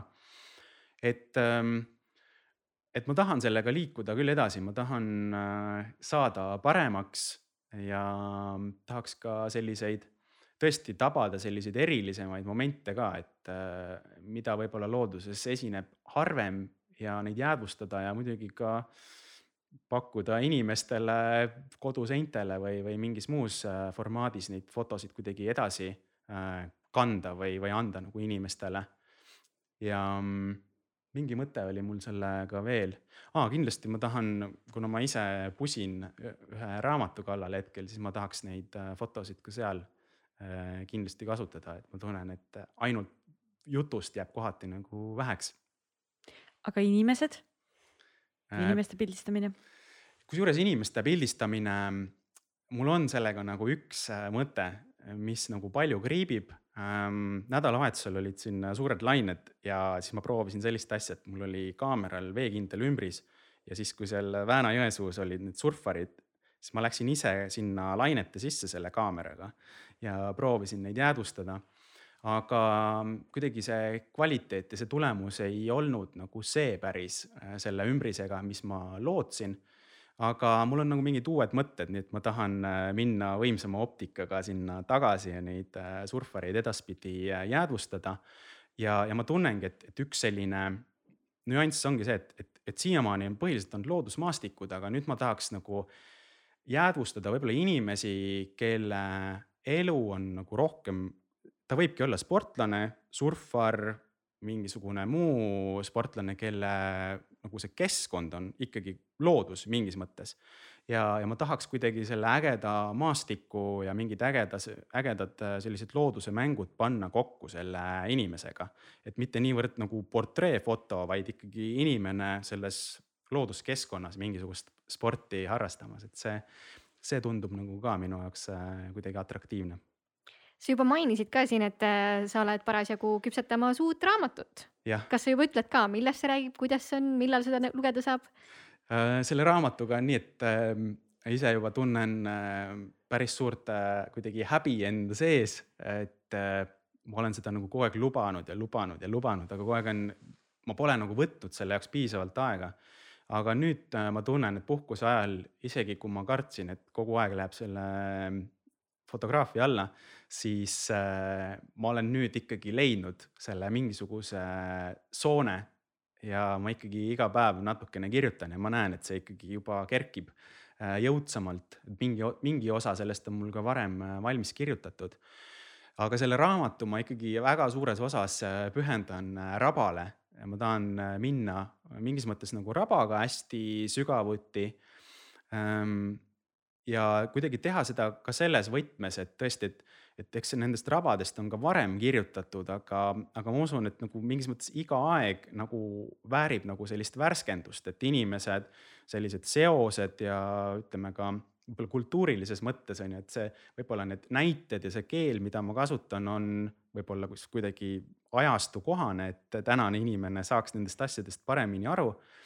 Et, et üks asi on tõesti sügavuti selle rabamaastikuga, kõik see liikumine, need loomad, kellega ma olen seal kokku puutunud äh, ka ajaloolises mõttes. Ja ma põimin nagu sinna sisse ka selle, ikkagi selle isikliku loo ka äh, just ka see, et kuidas ma vaimses mõttes ennast kuskilt mustast august leidsin ja mida ma siin eelnevalt ka natuke kirjeldasin. et kuidas ma enda jaoks selle looduse nagu uuesti avastasin, et ma põimin nagu selle sellise eneseotsingute teema sinna sellise loodusmaastiku äh, selle kirjelduse kuidagi sisse su äh, artikleid lugedes mul tekib esimene küsimus, kuidas sa oskad sa kirjeldad nii värvikalt ja nii voolavalt kõike, et kas sa oled õppinud kuidagi seda või sul tuleb iseenesest um,? kusjuures ma arvan, et nagu mingid märgid, et äh, olid võib-olla ka varasemalt üleval selles mõttes, et, et tõesti, et kuna ma suurema osa oma elust äh, ei ole väga suur suhtleja olnud ja sissepoole elav, siis ongi see, et äh, tihti sellistel introvertsetel inimestel väljendusviis on pigem kirjakeel ja, ja kui ma nüüd tagasi mõtlen, siis äh, ma olen ka kirjutanud äh, täiesti selliseid üldse loodusega mitte seotud mõtteid äh, nii-öelda sahtlisse mingi, ma arvan, et see võis olla mingi ülikooli ajal. lihtsalt tundsin, et mingid asjad tahavad enda seest välja saada, ma lihtsalt kirjutasin. et, et sellised märgid olid nagu varem üleval ka ja, ja ma tunnen, et võib-olla, et, et ma olen natuke äh, arenenud ka tõesti nende aastate jooksul, sest äh, nüüd on nagu see kirjutamine saanud üsna selliseks äh, regulaarseks äh, tegevuseks mu jaoks. ja, ja küllap tõesti ka see, et, ähm, et mul on olnud aega seal keskkonnas ka ise pidevalt nagu sees olla, siis tihti ongi nagu see, et sa tunned nagu mingisugust tunnet ja mul on nagu päris palju aega mõelda, et, et kuidas ma saaks seda sõnades nagu edasi anda ja ma ütlen, et mingid kogemused on sellised, et, et, et ma tahaks osata neid kuidagi täpsemalt kirjeldada, aga, aga ma lihtsalt, ma ei oska. aga võib-olla see peabki nii olema. ma saan aru, et sa kirjutad päris palju looduses olles ka. ma teen märkmeid ja, jah. kuidas sa neid äh, teed, täiesti praktiline küsimus, äh, pastakas, äh, märkmik, kas sul on mingi eriline märkmik, kas sul on mingi kergem märkmik, sellepärast et sa pead palju asju kaasas kandma mul on äh, niimoodi, et, et äh, eriti just jällegi see seostub natuke sellesama asjaga ka, et, et mida ma teen, et kui ma kuskil varjes istun, siis äh, mul on üks äh, selline kõvade kaantega must kaustik kaasas äh,, kuhu ma siis äh, panen oma mõtteid äh, kirja.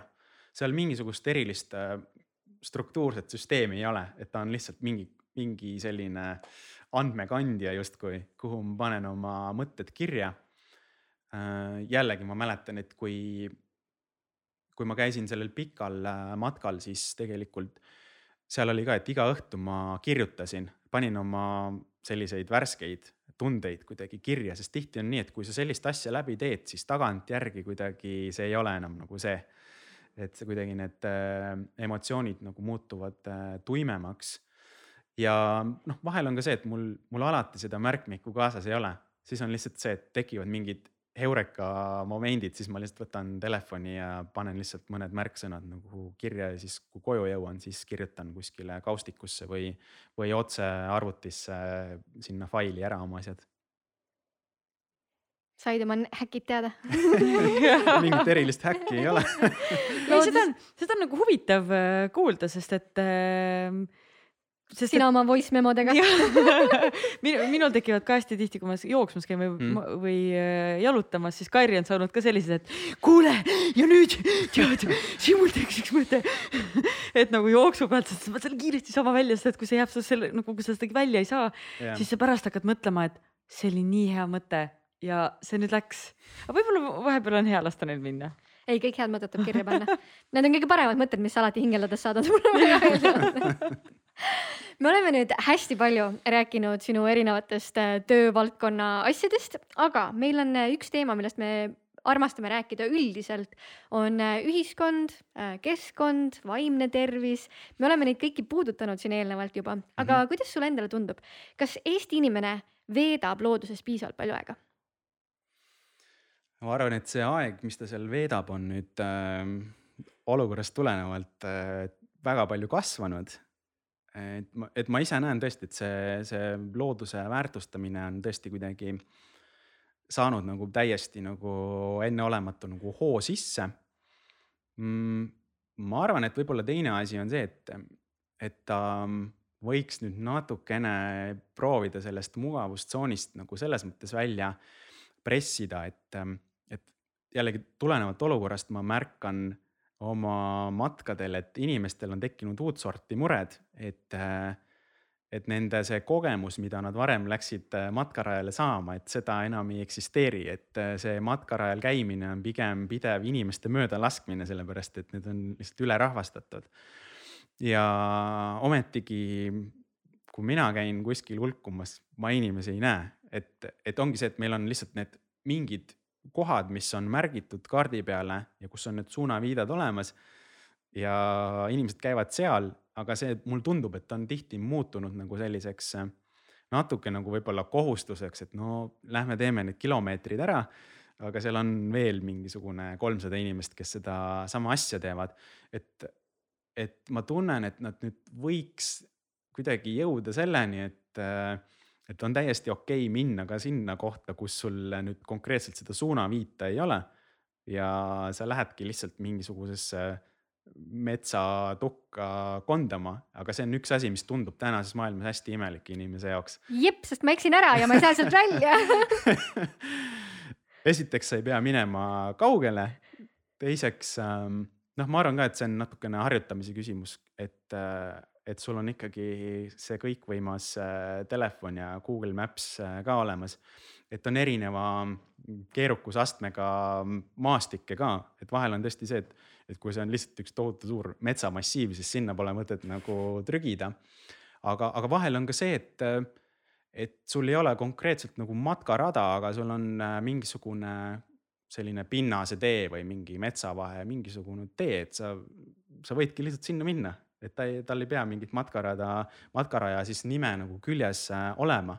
aga kas ma võin kõikjale minna, sest mul on vahel sihuke tunne ka, et see näeb nii ilus välja, et äkki see on mingi, mingi taim, millele ma astun, mida ma ei tea, et on taim või nagu rabas ka ähm, samamoodi ringi käies, ma ei julge igale poole astuda äh,. jah, selles mõttes äh, enamik inimesi selliste asjade peale ei mõtle, aga, aga üldiselt on ikkagi looduskaitseala sildid ja asjad on nagu üleval äh, enamiks kohtades ja noh, teine asi on nagu äh, ka see, et äh, mulle tundub, et vahel inimesed nagu kardavad kuidagi seda, et nad satuvad mingisugusesse äh, mingisse kohta, kus on keelatud, ma ei tea, on see kellegi teise maa või mida, mida iganes, et.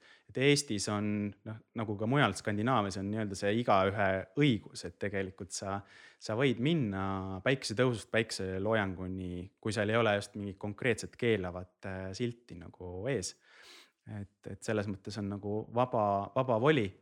et, et ma arvan, et ähm, jah, et eestlased käivad juba arvestataval määral looduses, aga, aga see, nad võiksid sellele kuidagi lähemale jõuda, et, et tihti on võib-olla see, et tõesti, et üks asi on sportimine, aga, aga võib-olla, et seda asja kantakse liiga palju ka selleks äh, üle, et, et sa lähed kuidagi automaatselt sellesse režiimi, et sa paned kodus spordiriided selga ja siis sul on see selline tunnel, oih tunnel äh, nägemine on ju, et sa oled nagu võistlushobune, et sa kõnnid selle raja läbi ja vaatad, okei okay,, nii palju samme, nii palju minuteid tehtud ja unustatud ja lähed äh, koju tagasi.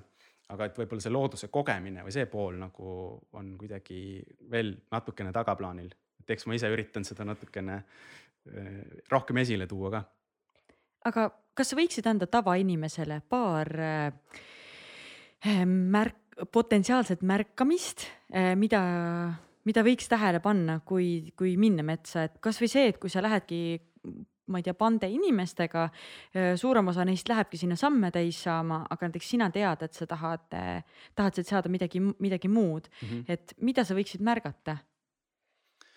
no head, näiteks ma ise, kui ma võtan puhtalt praegu on kevadine aeg, siis ähm, ma ise mm, olen praegu kasutanud sellist taktikat, et, et jällegi, et see ilmtingimata ei peagi olema matkarada. et sa peaksid leidma näiteks mingi koha näiteks, kuidas kasutada võib-olla tänases äh, kuidagi kultuurilises ruumis väga e-, ebameeldiva tähendusega paika, ehk siis kus on näiteks metsaraiet tehtud siis äh, kevadisel ajal, seal on see koht, kus äh, päike paistab peale hakkavad esimesena mingid võrsed ja asjad tärkama. et siis äh, sa võidki minna mööda mingisugust harvesteri rada metsa sisse, leiad sealt selle raiesmiku ja sa istudki kuskil sinna varju puu alla või kuskile peitu maha ja see eeldabki see, et sa tundide kaupa istud seal.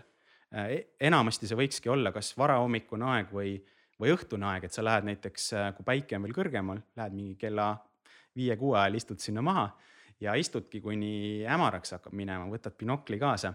et äh, kui on hea koht, siis äh, võib juhtuda, et noh, mina nägin eile oli metssea-pere, kes seal nagu toimetas. aga võivad olla ka mingisugused linnud, et see on selline koht, kus nad käivad söömas või toitu suure tõenäosusega otsimas. et tihti on see, et, et kui sa ma tunnen, et see on üks asi, millest inimesed libisevadki üle, et kui sa oled ise pidevalt nagu liikumises, esiteks, mida kiiremini sa liigud, seda vähem suudab su aju haarata ümbritsevast keskkonnast. ja teine asi on see, et kui sa paigale istud äh,, isegi seda on nagu väga selgelt vahel tunda, et, et ma metsas kõnnin, mul on mingi mõte, kuhu ma tahan jõuda. jõuan kohale, siis kuulan, on nagu vaikne, aga tegelikult on see, et linnud on lihtsalt jäänud vait, et sest sina oled tulnud sinna. aga kui sa nüüd mingi kümme, viisteist, kakskümmend minutit, lihtsalt oled vait, siis vaikselt hakkavad uuesti, nagu see pidu läheb edasi ja sind unustatakse ära, et sa mingis mõttes muutud nagu nähtamatuks. et, et see loodus hakkab su ümber elama ja, ja see ongi täpselt see kannatlikkuse pool ka. et, et mine kuskile paika, kus sul on avaram vaade ja, ja siis võivad asjad juhtuma hakata. nii et rohkem pause. jah, rohkem pause jah mis sa arvad, kas me inimestena peaksime rohkem veetma aega üksi? Äh, jah, kusjuures see on minu täiesti nagu selline kindel nagu soovitus, et, äh, et jällegi kaks sellist, äh, sellist natukene justkui kokkukäivat, aga samas nii erinevat asja, mille peale võib-olla palju ei mõelda, on see, et üks asi on üksindus, teine on üksildus. ehk siis üks on see, kui sa oled füüsiliselt küll mingi hetk üksi, aga sul on ikkagi olemas sotsiaalselt äh, täisväärtuslikud suhted. teise, teine asi on see, et sa, sa tunned, sa võid olla inimeste keskel, aga sa tunned ennast üksildasena, sest sul on kuidagi mingid lüngad nagu selles suhtluses äh, siis teiste inimestega nagu sees. ja tänases maailmas ongi, et, et üks asi, millest palju räägitakse, et see on see, et meil on nagu üksinduse puudus, on see, et sul ei ole aega ega ruumi iseendaga üksi olla. ehk siis äh, see võib olla füüsiliselt see, et inimesed elavad suurtes linnades koos, aga see võib olla ka see, et, et kui sa ka oled üksi, siis sul on see äh, kurjam telefon seal taskus, äh, kes ikkagi tuleb sul käeulatusse just sel hetkel. et kus sa ikkagi tahad haarata mingisuguse ühenduse järgi, kuigi sa võiksid võtta endale selle aja, kus sa ei haara mitte millegi järgi ja see on ka nagu üks asi, milles ma ise tunnen, et see, see loodus nagu kuidagi on hästi nagu mõnus keskkond, kus seda nagu teha, et minna ja võtta aega iseendale ja üksi olemisele. et seal, seal on nagu see, kus võivad tõesti kerkida need kõige mingis mõttes autentsemad või originaalsemad nagu ideed ja, ja mingis mõttes sa saad ka iseendast kõige paremini aru. aga nüüd teine pool on jällegi see, et äh, üksilduse pool, et kui me nagu maailma mastaabis äh, vaatame, et siis see üksildus on nagu mingis mõttes sellest on saanud nagu omaette nagu epideemia, et inimesed elavad miljonite kaupa suurtes linnades koos, aga nad tunnevad ennast väga üksildasena. et, äh, et minu arust isegi seda üksildust tuuakse välja nagu statistilises mõttes ka kui ühte sellist äh, kuskil seal, ma isegi ei tea, kas see võis olla top üks äh, selline ennustaja nagu enneaegsele surmale, et kui inimene tõesti tunneb ennast niivõrd kuidagi ära lõigatuna. ja, ja selle valguses võib-olla küsitakse mult ka vahel, et aga, aga kas sulle ei tundu, et sa lähed sinna loodusesse, et sa oled nagu esiteks sa oled üksinda, aga sa hakkad ka sellist üksildust tundma, et kui sa nädal aega oled seal ära, on ju, et sa oled kuidagi kõigest lõigatud, et kas nagu vaimselt rusuv ei tundu. siis ma ise tunnen, et ei ole üldse, et, et see on jällegi ka võib-olla natukene edasi laiendada seda mõtet, et eh, inglise keeles näiteks Eestisse ei ole seda väga jõudnud. kas jõuabki, ei tea, aga, aga püütakse nagu seda sõnavara äh, kuidagi ajakohastada, et kuna need uued mingid kultuurilised nähtused ja, ja inimene suhe üldse ümbritseva maailmaga on pidevas muutumises, siis tulevad mingisugused uued mõisted ja uued terminid. Ja siis äh, inglise keeles on selline mõiste nagu äh, species loneliness ehk siis ongi nagu see, et, et inimesel peale selle, et ta nagu oma liigi sees on see üksildus, on ka see, et ta on tegelikult lõiganud ennast sellest äh, ümbritsevast looduskeskkonnast ära. et, et mm, -hmm. et kuskil sada aastat tagasi või isegi rohkem, et, et see, et me elasime maal ja isegi see selline agraar, selline ühiskond või selline põllumajanduslik ühiskond, et sul ikkagi oli loomadega ja selle ümbritseva keskkonnaga mingisugune kontakt, mingisugune tähenduslikum side ja see on nagu evolutsiooniliselt meil alati olemas olnud. aga et nüüd viimase saja aastaga me oleme ikkagi üsna selgelt nagu noaga selle läbi lõiganud ja isoleerinud ennast siia Äh, betoon ja klaasmaailma, et, et, et, et noh, mõned arvavad, et sellel on nagu päris oluline nagu ikkagi mõju ka meie psüühikale, mis ei ole harjunud sellise muutusega no sa alguses ütlesid, et sa tegelikult oled oma loomult äh, introvert. Äh, introvertidel ei ole tavaliselt sellise üksindusega väga palju probleeme, et aga mida sina oled oma üksinduse teekonnast õppinud kõige rohkem um,?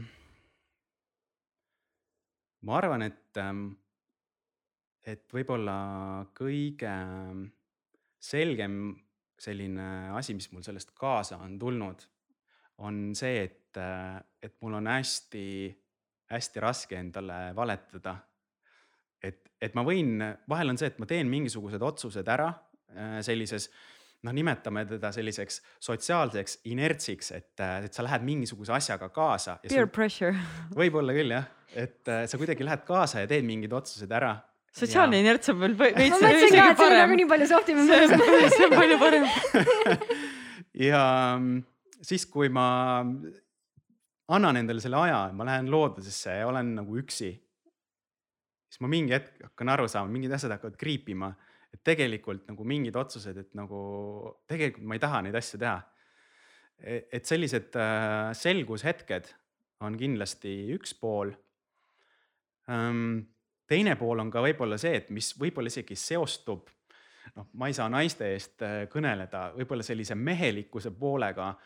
et ongi, et äh, kui sul on mingisugused väljakutsed seal looduses, sa oled seal maastikul, sul ei ole kuskile nagu põgeneda Ehm, külm, märg, raske ja ise oled selle teekonna endale võtnud ja ei ole nõus mingit abi ka küsima. see kõlab nagu Reketi laul ja siis, äh, ja siis sa nagu tõesti jõuad nagu mingisugustesse sellistesse punktidesse, et, et millest ma tegelikult praegu ka mõtlen, kui ma sellest räägin, et, et tõesti, et kui ma seda pikka matka tegin neli-viis päeva järjest, et lihtsalt sul seda vihma sajab ja järjest rohkem riideid ja varustus saab märjaks ja järjest raskem on, ütleme seda sooja ka hoida. ja siis ähm, tõesti need sellised kuskilt mudaaugust läbi ronimised ja vahepeal võtad riided seljast ära, et äh, üle jõe ujuda oma selle varustusega. ja siis ähm, kuidagi see loodus äh, solgutab sul nagu nii läbi, et, et sul mingis mõttes kustuvad selles mõttes nagu lootused, et, et sa alguses mõtled, et homme äkki tuleb parem päev, et äkki tuleb päike välja. no ei tule mitte midagi lihtsalt see läheb järjest hullemaks. ja lihtsalt mingi hetk toimub nagu selline nagu esiteks nagu alistumine. et sa lepid sellega, et jah, et ma olen lihast luust inimene ja loodus on minust üle, et ma ei hakka enam lihtsalt jonnima aga, aga seal selle kõige sees nagu tekib ka selline nagu meeletu selline enesekindlus, ähm, mida ma tõesti nagu sellises mugavas igapäevaelus ma nagu ei jõua selleni, et sa, sa nagu tunned seda, et, et kuigi see loodus on tõesti sinust suurem, sa justkui annad sellele alla, aga ometigi sa tunned, et inimesena oled sa nagu ülivõimekas ja väga leidlik, sa leiad mingites olukordades nagu lahendused ja noh, mingisugused karud ja muud elukad äh, kaotavad selles mõttes, selles mõttes nagu igasuguse kuidagi tähenduse, et, et sul on lihtsalt täiesti ükskõik sellest. et sa lihtsalt, sul on mingisugune siht silme ees ja sa mõtled, et kui ma olen juba mingi kuuskümmend kilomeetrit siin kannatanud, siis kui see karu mul praegu kuskilt välja hüppab, siis mul on täiesti ükskõik lihtsalt sellest, et, et silm ka ei pilgu. tahaks testida seda praegu, ma tahaks nagu Ellenil on vist saates see, et kõik hüppavad kastist kuskilt välja, siis võiks karu hüpata kuskilt. ma saan aru, et sa loomi ei karda, aga kas see inimest, kuidas inimestega on? kusjuures äh, ma arvan, et inimene paneb mulle südame kiiremini tuksuma kui, kui mõni metsloom, et eriti see, et, et kui sa liigud sellistes kohtades, kus äh, ongi suurem tõenäosus on sul näha looma kui inimest. et siis äh, tõmbab nagu kuidagi seest õõnsaks. aga, aga siiamaani ühtegi ebameeldivat kohtumist ei ole olnud, pigem on hästi tore see, et, et ähm, ma saan tõmmata nagu vähemalt puutudes kokku teatud generatsioonidesse võib-olla mahtuvate inimestega, just natukene vanemad inimesed ja kuskil suvalisel, et ma hüppan lihtsalt võsast välja, siis kohmetult mingi inimene vaatab, et mis asi sa oled. ja siis äh, esialgu on nagu selline eestlaslik, selline natuke kortsuskulm ja selline sissepoole, siis sa mõtled, et see vist ei tule nagu väga sõbralik vestlus. ja siis ta küsibki, et nagu esialgu tõsise näoga, et no, et mida sa siit otsid ja siis, ja siis ma hakkan rääkima, et, aa, et ma käin siin looduses ja pildistan loomi ja vahel, kui mul on kaamera, siis ma saan näidata mingeid fotosid ka. ja siis nagu see kõik muutub lihtsalt, see inimene, eriti kui ta on veel selle paigaga kuidagi seotud ka, siis ta hakkab rääkima, vana inimene hakkab rääkima, kuidas nad mingi lapsepõlves seal mingit ilvest nägid ja kus keegi käis jahil ja nagu siis, mis, vahel on see, et vaatan, et mm,, et tund aega on läinud juba, et tahaks edasi liikuda, et, et lihtsalt inimene unustab ennast nagu rääkima, et need sellised looduslood kuidagi hakkavad eh, tulema, et need on nagu sellised eh, ägedad kohtumised kui me räägime loodusest äh, vanasti ja loodus täna, siis kas on mingit muudatust ka märgata, et räägitakse ju, et planeedil ei lähe kõige paremini? Äh, jah, on küll, isegi ma tunnen äh, ise, iseenda lühikese sellise teekonna jooksul, et tegelikult on päris palju muutunud.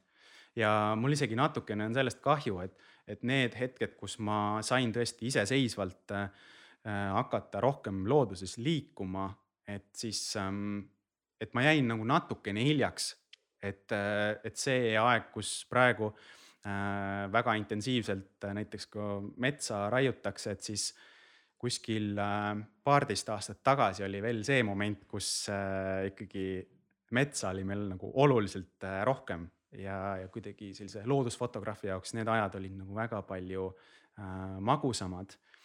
Et selles mõttes äh, ikkagi jaa, see, see rindejoon, see võib-olla kõlab natuke liiga dramaatiliselt. et see, see joon kuidagi nihkub äh, ja selles mõttes nagu looduse kahjuks, et see inimese noh, tegevusala äh, siis äh, võtab järjest nagu metsasid ja muid maastikke enda alla ja eks see on ka, et rahvastik ja üldse maailma populatsioon kasvab, et siis see surve läheb nagu järjest suuremaks ja mm, tõesti, ma nagu tajun nagu seda ka, et kuidagi äh, tõesti metsalinnustik näiteks, et praegu räägitakse pesitsusrahust ja sellest, et, et see ka ikkagi viimase kümne aastaga on päris nagu palju muutunud. et, äh, et neid elupaiku ja asju on nagu jäänud äh, vähemaks, jah. aga kas me saame midagi inimestena teha, et see kuidagi normaliseeruks, et me ei jääks täiesti loodusest ilma, see oleks ikka väga kurb um,? Selles mõttes see on ähm, hästi lai teema, aga, aga ma arvan ise, et, et noh, praegu ju meil on aastaid käinud see selline jutumärkides metsasõda ehk siis äh, erinevad osapooled on siis püüdnud siin äh, kuidagi seda kangutada ühes ja teises suunas ja, ja praegu ongi, noh, meil on uus keskkonnaminister ja, ja siis ähm, oli ka nii-öelda see töögrupp inimesi erinevatest valdkondadest, kes pidid siis jõudma nagu selle metsanduse arengukavaga ka mingisuguse sellise kokkuleppeni, aga nad ei suutnud seda teha. nüüd moodustati nagu uus. aga kas uus just ei öelnud, et nad võtavad väga palju sellest eelnevast? Ehm, noh, sellega ongi see, et ehm, ma ise olen natukene ikkagi murelik, et, et mis nagu edasi saab. et ehm, ma ise tunnen, et, et väga palju on ikkagi mindud nagu alt mingite asjadega, et üks asi on see, et jah, et keegi ei vaidle selle vastu, et äh, metsa on vaja raiuda, seda enam, et me tarbime ise seda kõike, mis meie ümber on. aga küsimus on võib-olla selles ka, et ikkagi millisel viisil seda tehakse, et praegu on ikkagi tunda, et äh, sõidetakse päris palju äh, just ikkagi üle mingitest kokkulepetest ja, ja sellistest rahva ootustest ka, et inimeste ootus ongi nagu muutunud ka päris palju, et see, see vajadus selle keskkonna järele on nagu kasvanud ja, ja me ei saa nagu selles mõttes samamoodi edasi minna. ja jah, selles mõttes väga keeruline, et ma ise väga loodan, et ikkagi see aastane raiemaht nagu tuuakse ikkagi lõpuks allapoole ka, et praegu on, inimesed on küll näpuga näitavad nagu RMK peale, et justkui nemad oleks kõiges süüdi, aga, aga ma ise tunnen ka seda, et see on natuke, natuke selline nagu teatrietendus, et eh, nemad on tõesti see kuri koer, kes on aiast välja lastud ja nüüd igal pool möllab ringi. aga tal on ikkagi omanik ka ja see omanik on riik ikkagi, et äh, riigi tasandil äh, tasuks ikkagi mõelda selle peale. seda enam, et siin ju tehti ka selle asja ühes faasis ju selline nagu selline eksperthinnang, mis ütleski, et me peaks kuskil kolmkümmend protsenti raiemahti nagu alla tooma. aga sellest sai nagu selline korralik äh, tsirkus, et äh, keskkonnaministeeriumile mingil põhjusel ei sobinud see eksperthinnang. et, ähm, et see on natuke kummaline, et ähm, ma isegi sinna sfääridesse ei oska väga oma nina niimoodi väga arutlevalt panna, aga, aga lihtsalt kummaline natukene, kuidas need äh, asjad käivad, et mul hetkel ikkagi tekib selline kummaline tunne, et äh, kuskil on väga vaja, et see asi ikkagi jätkuks samas suunas, et mis sest, et äh, tõesti, et kui võib-olla ka mingeid küsitlusi ja asju teha, et mis on inimeste ootused, siis sõltumata sellest, et me tahaks, et seda metsa rohkem oleks, siis keegi ei taha meile seda millegipärast anda teine asi muidugi on see, et äh, inimestel on väga tugevad topeltstandardid. et äh, on need inimesed, kes väga tugevalt seisavad äh, metsade hoidmise eest, mille üle mul on väga hea meel, aga lähevad koju ja ostavad liigselt plasti või, või tarbivad üle mingeid ja. muid asju et kohati on noh, tasuks ka nende asjade peale ja. mõelda, et võib-olla kui me ühes eluvaldkonnas ei tarbiks äh, üle, siis võib-olla teises eluvaldkonnas me ei peaks nii palju raiuma. no ühesõnaga, mina ei tea ka neid detaile, aga kohati mulle tundubki, et, et, et, et okei okay,, me küll vaatame, et jaa, et süüdistame riiki või mm, -hmm. või metsamehi või, või keda, keda iganes, et me süüdistame kedagi teist, aga vaataks nagu endale ka veidike otsa, et mida, mida me siis oma muus elus ka teeme. et tegelikult siit tuleb ka minu teine, minu küsimus, et, et kas on midagi, mida sa teed väljaspool metsa äh, mm -hmm. selleks, et hoida loodust, et kas sa oled oma tarbimisharjumusi kuidagi muutnud või äh...? Mm. no mis ei lähe võib-olla otseselt metsaga kokku, aga kusjuures see ei ole olnud teadlik otsus, aga mm, statistiliselt äh, võib ilmselt äh, öelda niimoodi, et, et ma olen märganud seda, et äh, selline loomse toidu tarbimine on äh, väga tugevalt nagu kahanenud äh, minu menüüs. et kunagi oli see, et, et äh, oli vaja kõvasti käia jõusaalis, siis, siis oli kuidagi see kana oli A ja O ja nii edasi ja nii edasi, liha, liha, liha on ju. ja siis ähm, nüüd nagu on kuidagi huvitavalt läinud jah, ma arvan, et see on natuke seotud ka sellega, et kuna gruppides väga tihti on äh, inimesi, kes on äh, veganid, siis äh, ma teengi sööke, mis on ka neile sobivad ja need asjad jäävad külge. ja mingi hetk ma kuidagi, kuidagi füüsiliselt ma tunnen, et see päris paljudel juhtudel teeb mu enesetunde tegelikult isegi paremaks, mis on nagu esialgu oli üllatav, täna see kuidagi tundub loogiline. et selles mõttes ähm, sellised äh, juurikad ja igasugused muud asjad on äh, mulle igapäevaselt hästi oluliseks kuidagi saanud viimastel aastatel.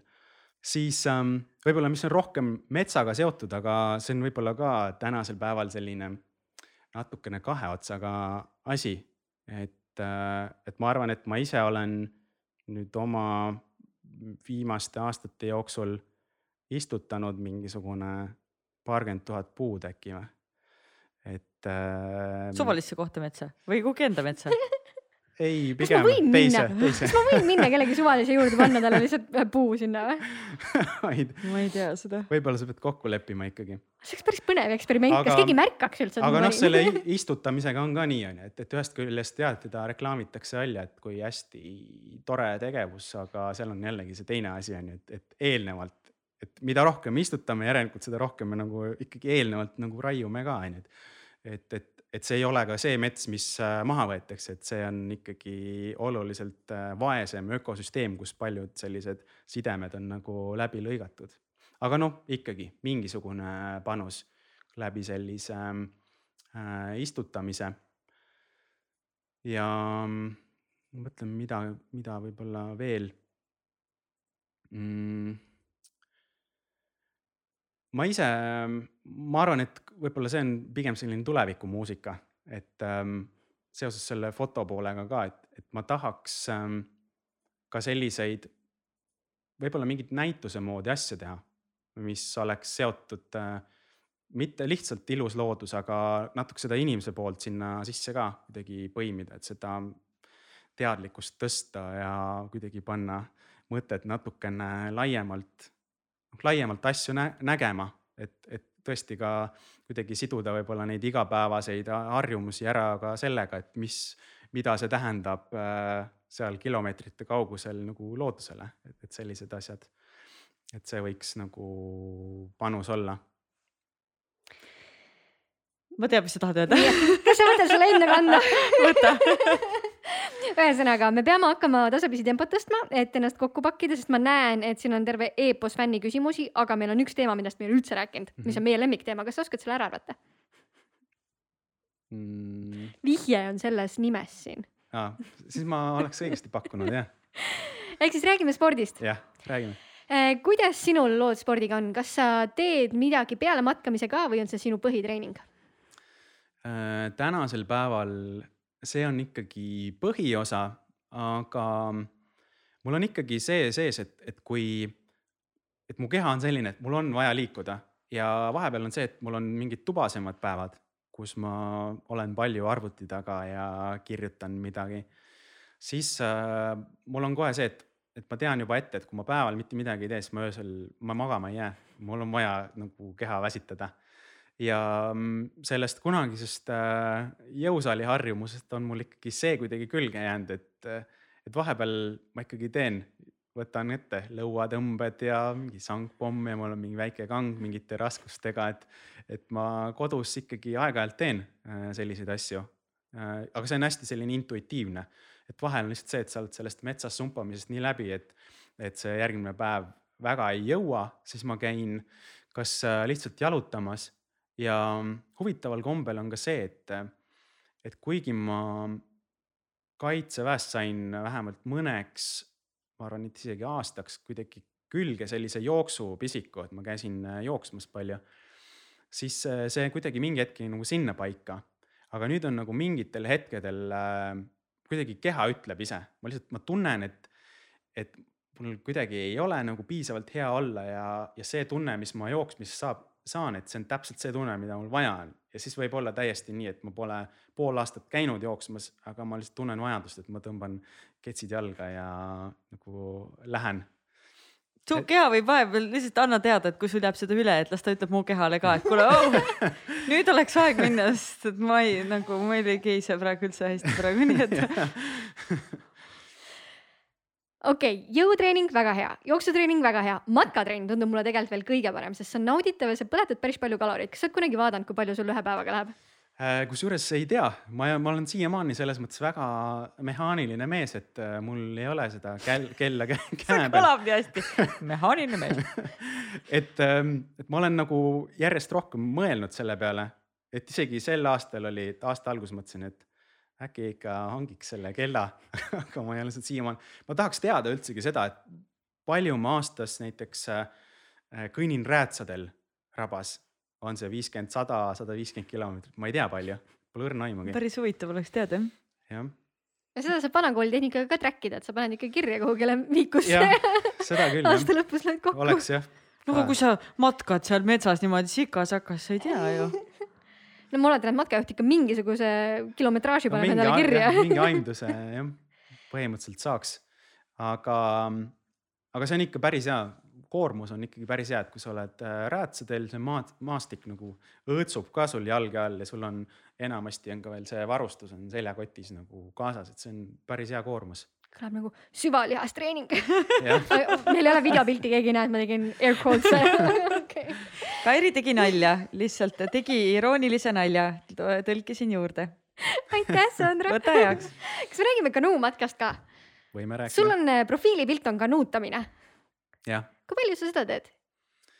Ähm, seda ma teen, pigem teengi kevadisel ajal, ma käisin, eelmine nädal just käisin äh, sõitmas, et kus äh, vesi on kõrgem ja vool on kiirem, siis on natuke huvitavam, kärestikke, natukene närvikõdi ka.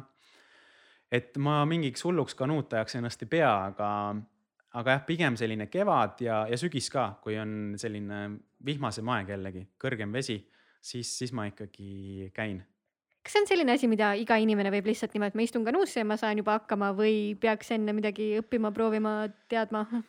No ikkagi kõige parem on see, et kui sa esialgu vähemalt korra võiksid äh, käia kellegagi, kes äh, valdab seda asja rohkem, kes võiks sulle tutvustada seda ohutuse poolt näiteks Ramet Vaino.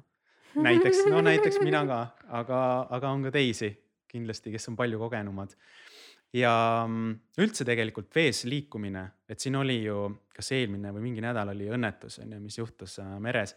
et, et mulle tundub, et seda on päris ikkagi see võib-olla igapäevaselt, et kuna neid õnnetusi õnneks ei juhtu, aga ikkagi neid inimesi, kes suure eufooriaga ostavad endale kanuu või kajaki ja kohe kihutavad kuskile jõe peale, et ise teadmata äh, mingisuguseid äh, elementaarseid selliseid äh, ohutustehnikaid ja, ja üldse, et kuidas sellega edasi liikuda, et siis see on ikkagi külmal ajal nagu väga riskantne. Et ikkagi noh, pakutakse väga palju erinevaid nagu koolitusi, kuhu saab minna, mis tegelikult on ju oskus terveks eluks. Ja teine asi on tõesti siis, et lä- lähed lihtsalt sellele matkale kaasa ja, ja oled võib-olla ka keskmisest näiteks uudisheimulikum, et, et sa juba tead, et sa tahad äh, endale midagi hankida või oma pead hakata käima, et siis, siis tasub seda matkajuhti ka korralikult peedistada ja küsida talt äh, igasuguseid äh, küsimusi. ära pärast meid süüdista, kui sul järgmine külaline sihuke on, kes matkale tuleb. jah, et mis, kus, miks, kas? et igatahes äh, tasub, et, et võib mõelda küll nii, et, et no et mis see siis on, et lihtsalt paat ja aerutan, aga lihtsalt sa teed oma elu ka, terve selle kogemuse nii palju mõnusamaks, kui sa valdad neid aerutamistehnikaid ja kõike muud seda, et see on nagu nii palju mõnusam. tõsi, tulista okei okay,, fänniküsimused, mm. -hmm. davai. ma valin sellised, mis on, võib-olla sa saad vast- vastata. saad kolm tükki. aa, okei, okei. lemmikmatkakoht Eestis, ohohoo. vali üks. okei okay,, kaks. ma arvan, et ähm, üks, mida ma olen hästi palju seda maininud ka, on äh, kindlasti on äh, Alutaguse äh, rahvuspark. no see on tohutu maa-ala, seal on metsi, soid äh,, rabasid, matkaradasid, aga ka kohti, kus äh, mingisuguseid radasid ei ole, et mina olen põhiliselt käinud seal, kus, kus neid radasid ei, ei ole. et seal on äh, üks eraldi väike koht on Agusalu looduskaitseala seal on ilmselt mõistlik ka, et kui sa pole üldse käinud, siis püüa leida äkki on Alutaguse äkki matkaklubi või keegi, kes teeb seal neid matkasid, et küsi, et äkki, äkki viiakse sind. Ja järgmisel nädalavahetusel on pool Eesti Talutagusi väga hea nii, küsin sellise küsimuse äh,. kus ta mul kadus ah.? kas ja millest oled pidanud loobuma, et elada sellist eluviisi? mm,? kui hea küsimus. väga hea küsimus ja, et mulle tundubki, et, et ma justkui räägin kogu aeg, et on äge ja tore ja nii edasi, aga ikkagi iga asi tähendab ka millestki nagu loobumist. Ja mm, ma arvan, et esialgu oli kindlasti nagu see, et, et ma panin nagu kõik munad sinna ühte korvi ja ma sisuliselt loobusin ka mingitest materiaalsetest äh, väärtustest, kuigi need pole mul kunagi mingit erilist nagu sellist rõõmu nagu pakkunud. ja, ja ma arvan, et äh, tänasel päeval, kus äh, nüüd lõpuks ma näen, et see asi nagu päriselt äh, hakka, hakanud toimima ka, siis ähm, ma tunnen ikkagi, et, võib-olla, et see viis, kuidas ma ka neid matkasid teen, et ma üritan maksimaalselt nagu inimeste jaoks olla olemas, see tähendab seda, et mõni ütleb, et tahaks minna laupäeva öösel äh, matkama ja et kas saaks ja no enamasti saab, kui mul midagi ees ei ole. et, et selline eluviis, et sa ikkagi annad ennast nagu nii palju ära, siis äh, kõik see selline sotsiaalne isiklik elu on äh, pigem mul nagu sihuke nivoo on seal nulli lähedal ja, ja ma isegi tunnen, et tõesti, et võib-olla, et see on ka üks faas olnud, kus ma olen nõus äh, olnud seda ohverdama. et äh,, et võib-olla nüüd on nagu mingisugune etapp täis saanud ja ma tunnen, et ma ikkagi tahaks natukene tasakaalustada neid asju, et ikkagi matkadega küll jätkata, aga, aga elus on ikkagi midagi muud ka peale selle looduse ja, ja mingis mõttes ma tunnengi, et tahaks nüüd inimsuhted kuidagi taastada ja, ja tulla natuke rohkem selles mõttes pilti tagasi. metsaservale. metsaservale jah. olgu, viimane küsimus. kes on su suurim eeskuju?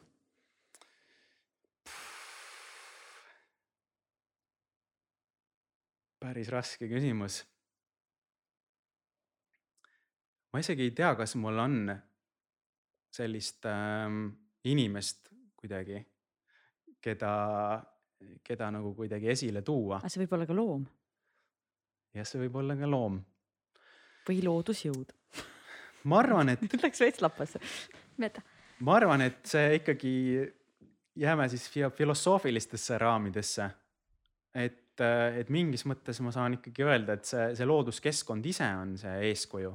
Et, et kuidagi selles jällegi see inimese maailm, et, et sa vähemalt enda puhul ma tunnen, et, et mingites olukordades ma muutun kärsituks ja ma tahan jõuga mingisuguseid asju muuta, mida võib-olla ei saa jõuga muuta või tahad kuidagi kirvega kohe kallale lennata. aga paljudes, paljudes nagu lõikudes kuidagi see loodus on oma protsessidega nagu mingis mõttes nagu näidanud seda, et, et mingid asjad ongi nii, et see on loodusseadus ja, ja ma leian nagu sealt mingisuguseid paralleele, mis aitavad mu oma elu kuidagi teha elamisväärsemaks äh, läbi nende selliste looduslike nagu metafooride ka tõesti. et, äh, et on see siis mingisuguse taime väga sitke vastupidamine kuskil äh, keerulistes tingimustes või, või teinekord ka see, et kui, kui lihtsalt mingisugused asjad äh, looduses käivad hästi kuidagi äh, vabalt. et, et mina ka võib-olla, üks näide võib-olla siia on see, et äh, jällegi see inimsuhtlus, et, et ma oma peas mõtlen mingisuguseid miljoneid mõtteid, et, et kuidas äh, mingist teemast äh, mingi inimesega rääkida, vahet ei ole, kas ta on nüüd mingi oma inimene või täitsa nagu võõras inimene, aga et, et kuidagi tekib see ebamugavus, et kuidas ma nüüd seda asja nagu serveeriks või kuidas ma nagu sellest räägiks. ja, ja vahel on olnud nii, et tõesti, et ma nagu mõtlen ühtepidi ja teistpidi ja lõpuks ma nagu jõuan nagu selleni, et nagu, aga miks ma ei võiks seda teha lihtsalt nagu sü- südamest, ma lihtsalt räägin, ma ei pea otsima mingisuguseid ettekäändeid või seadma nagu ette mingisugust äh, struktuuri et kuidas nüüd ühe mõtte juurest jõuda teiseni ja siis inimesele midagi serveerida, vaid ma lihtsalt räägin ausalt ära, kuule, sihuke lugu. et, et, et see on nagu tulebki kuidagi sellest, et ma vaatan teinekord looduses, kui, kui loomulikult see suhtlus nagu loomade vahel nagu käib, et, et äh, inimesed kuidagi seavad nii palju selliseid maske ja kuidagi müüre endale nagu ette. väga õige point, mida endale meelde jätta. tõsi. meil on veel viimane nurk, soovituste nurk. nii et me küsime kolm küsimust su käest veel. nii üks asi, mida iga inimene võiks õppida ma arvan, et see üks asi on see, mida me tegelikult äh, puudutasime siin juba ka korra, et inimene võiks õppida äh, üksi olema. see ei tähenda mingisugust pagulust kuskile kaugele saarele, aga pigem see, et, äh, et sa leiad kasvõi nädalas endale mingisugused poolteist, kaks tundi näiteks. võib-olla see esialgu tundub natuke liiga suur aeg aga et sa jätad kõrvale nagu telefoni ja mingisugused äh, sellised, ütleme siis suhtluse nagu välismaailmaga. et noh, mina olen leidnud tõesti, et see looduskeskkond on selle jaoks, sellise asja jaoks nagu kõige parem. Et võib-olla seesama asi, et mis me enne ka rääkisime, et lähed istud kuskile metsaserva nagu maha ja, ja sa oledki sellises keskkonnas, kus sul nagu otseselt mingisugust igapäevast ähm, mingit objekti või midagi ei ole, mis paneks sul need vanad mustrid käima, et sa pigem proovid iseendaga olla ja, ja vaata, kuhu sa nagu välja jõuad sest.... alustame viieteistkümnest minutist on ju, võtame nagu inimlikud standardid, palun. Jah, sest ähm, minu arust, ma ei mäleta, kas ta pani sinna mingi ajalise piiraja ka, aga et äh, ju on see mõtleja äh,, mis ta oli, Blaise Pascal, kes ütles, et, äh, et inimese probleemid tulenevadki tema suutmatusest istuda üksi vaikses ruumis. ma ei mhm. mäleta, kas ta ütles, et mingi pool tundi või mingi, pani mingi ajalise sellise hulga ka sinna juurde, aga, aga ma ise olen sellega hästi päri, et, et inimesed võiks õppida seda üksi olemise aega, et sealt tulevad täiesti uued perspektiivid. täiesti nõus. üks asi, mida iga inimene võiks oma elus proovida hmm.. eks ma võtan siit oma mätta otsast jälle selle asja, et ähm, ma arvan, et võiks proovida minna kuskile ähm, telkima või ööbima, nii et sa, sa ei lähe kuskile ähm, RMK lõkkekohta, vaid sa lähed ikkagi täitsa nagu eemale kuskile äh, metsa, kus sul jällegi, et sa proovid mitte mingisugust telefoni või mingeid asju kasutada ja, ja proovid seal olla sa ei pea seda üksi tegema, võta. soovitavalt see ka väga skeeriks soovitavalt jaa. okei aga kui me inimest kaasa ei võta, siis äkki me võtame midagi muud kaasa, mõne teose näiteks, nii et ma võtan viimase soovituse ka veel. Üks teos, mida võiks tarbida. raamat, podcast. näidend, näitus. ma arvan, et ähm, kusjuures see on nagu ühe autori kaks äh, raamatut, et kumba valid, ei ole tegelikult isegi suures plaanis nagu vahet. Eesti keeles on mõlemad olemas, on äh, Erling Kage, kes on kirjutanud, üks on Vaikus müra ajastul ja teine on äh, Kõnni üks samm korraga. et siis ongi, üks on see vaikuse teema ja räägibki nagu sellest kasvavast müratasemest maailmas ja mida see meiega teeb ja, ja mis on väärtus on sellel vaikusel ja üksi olemisel. ja, ja teine pool on siis see selline mingis mõttes nagu selline kõndimise filosoofia või kõik see, et, et tõesti mingisuguse raja läbimine ja mingis mõttes ka aeg iseendale.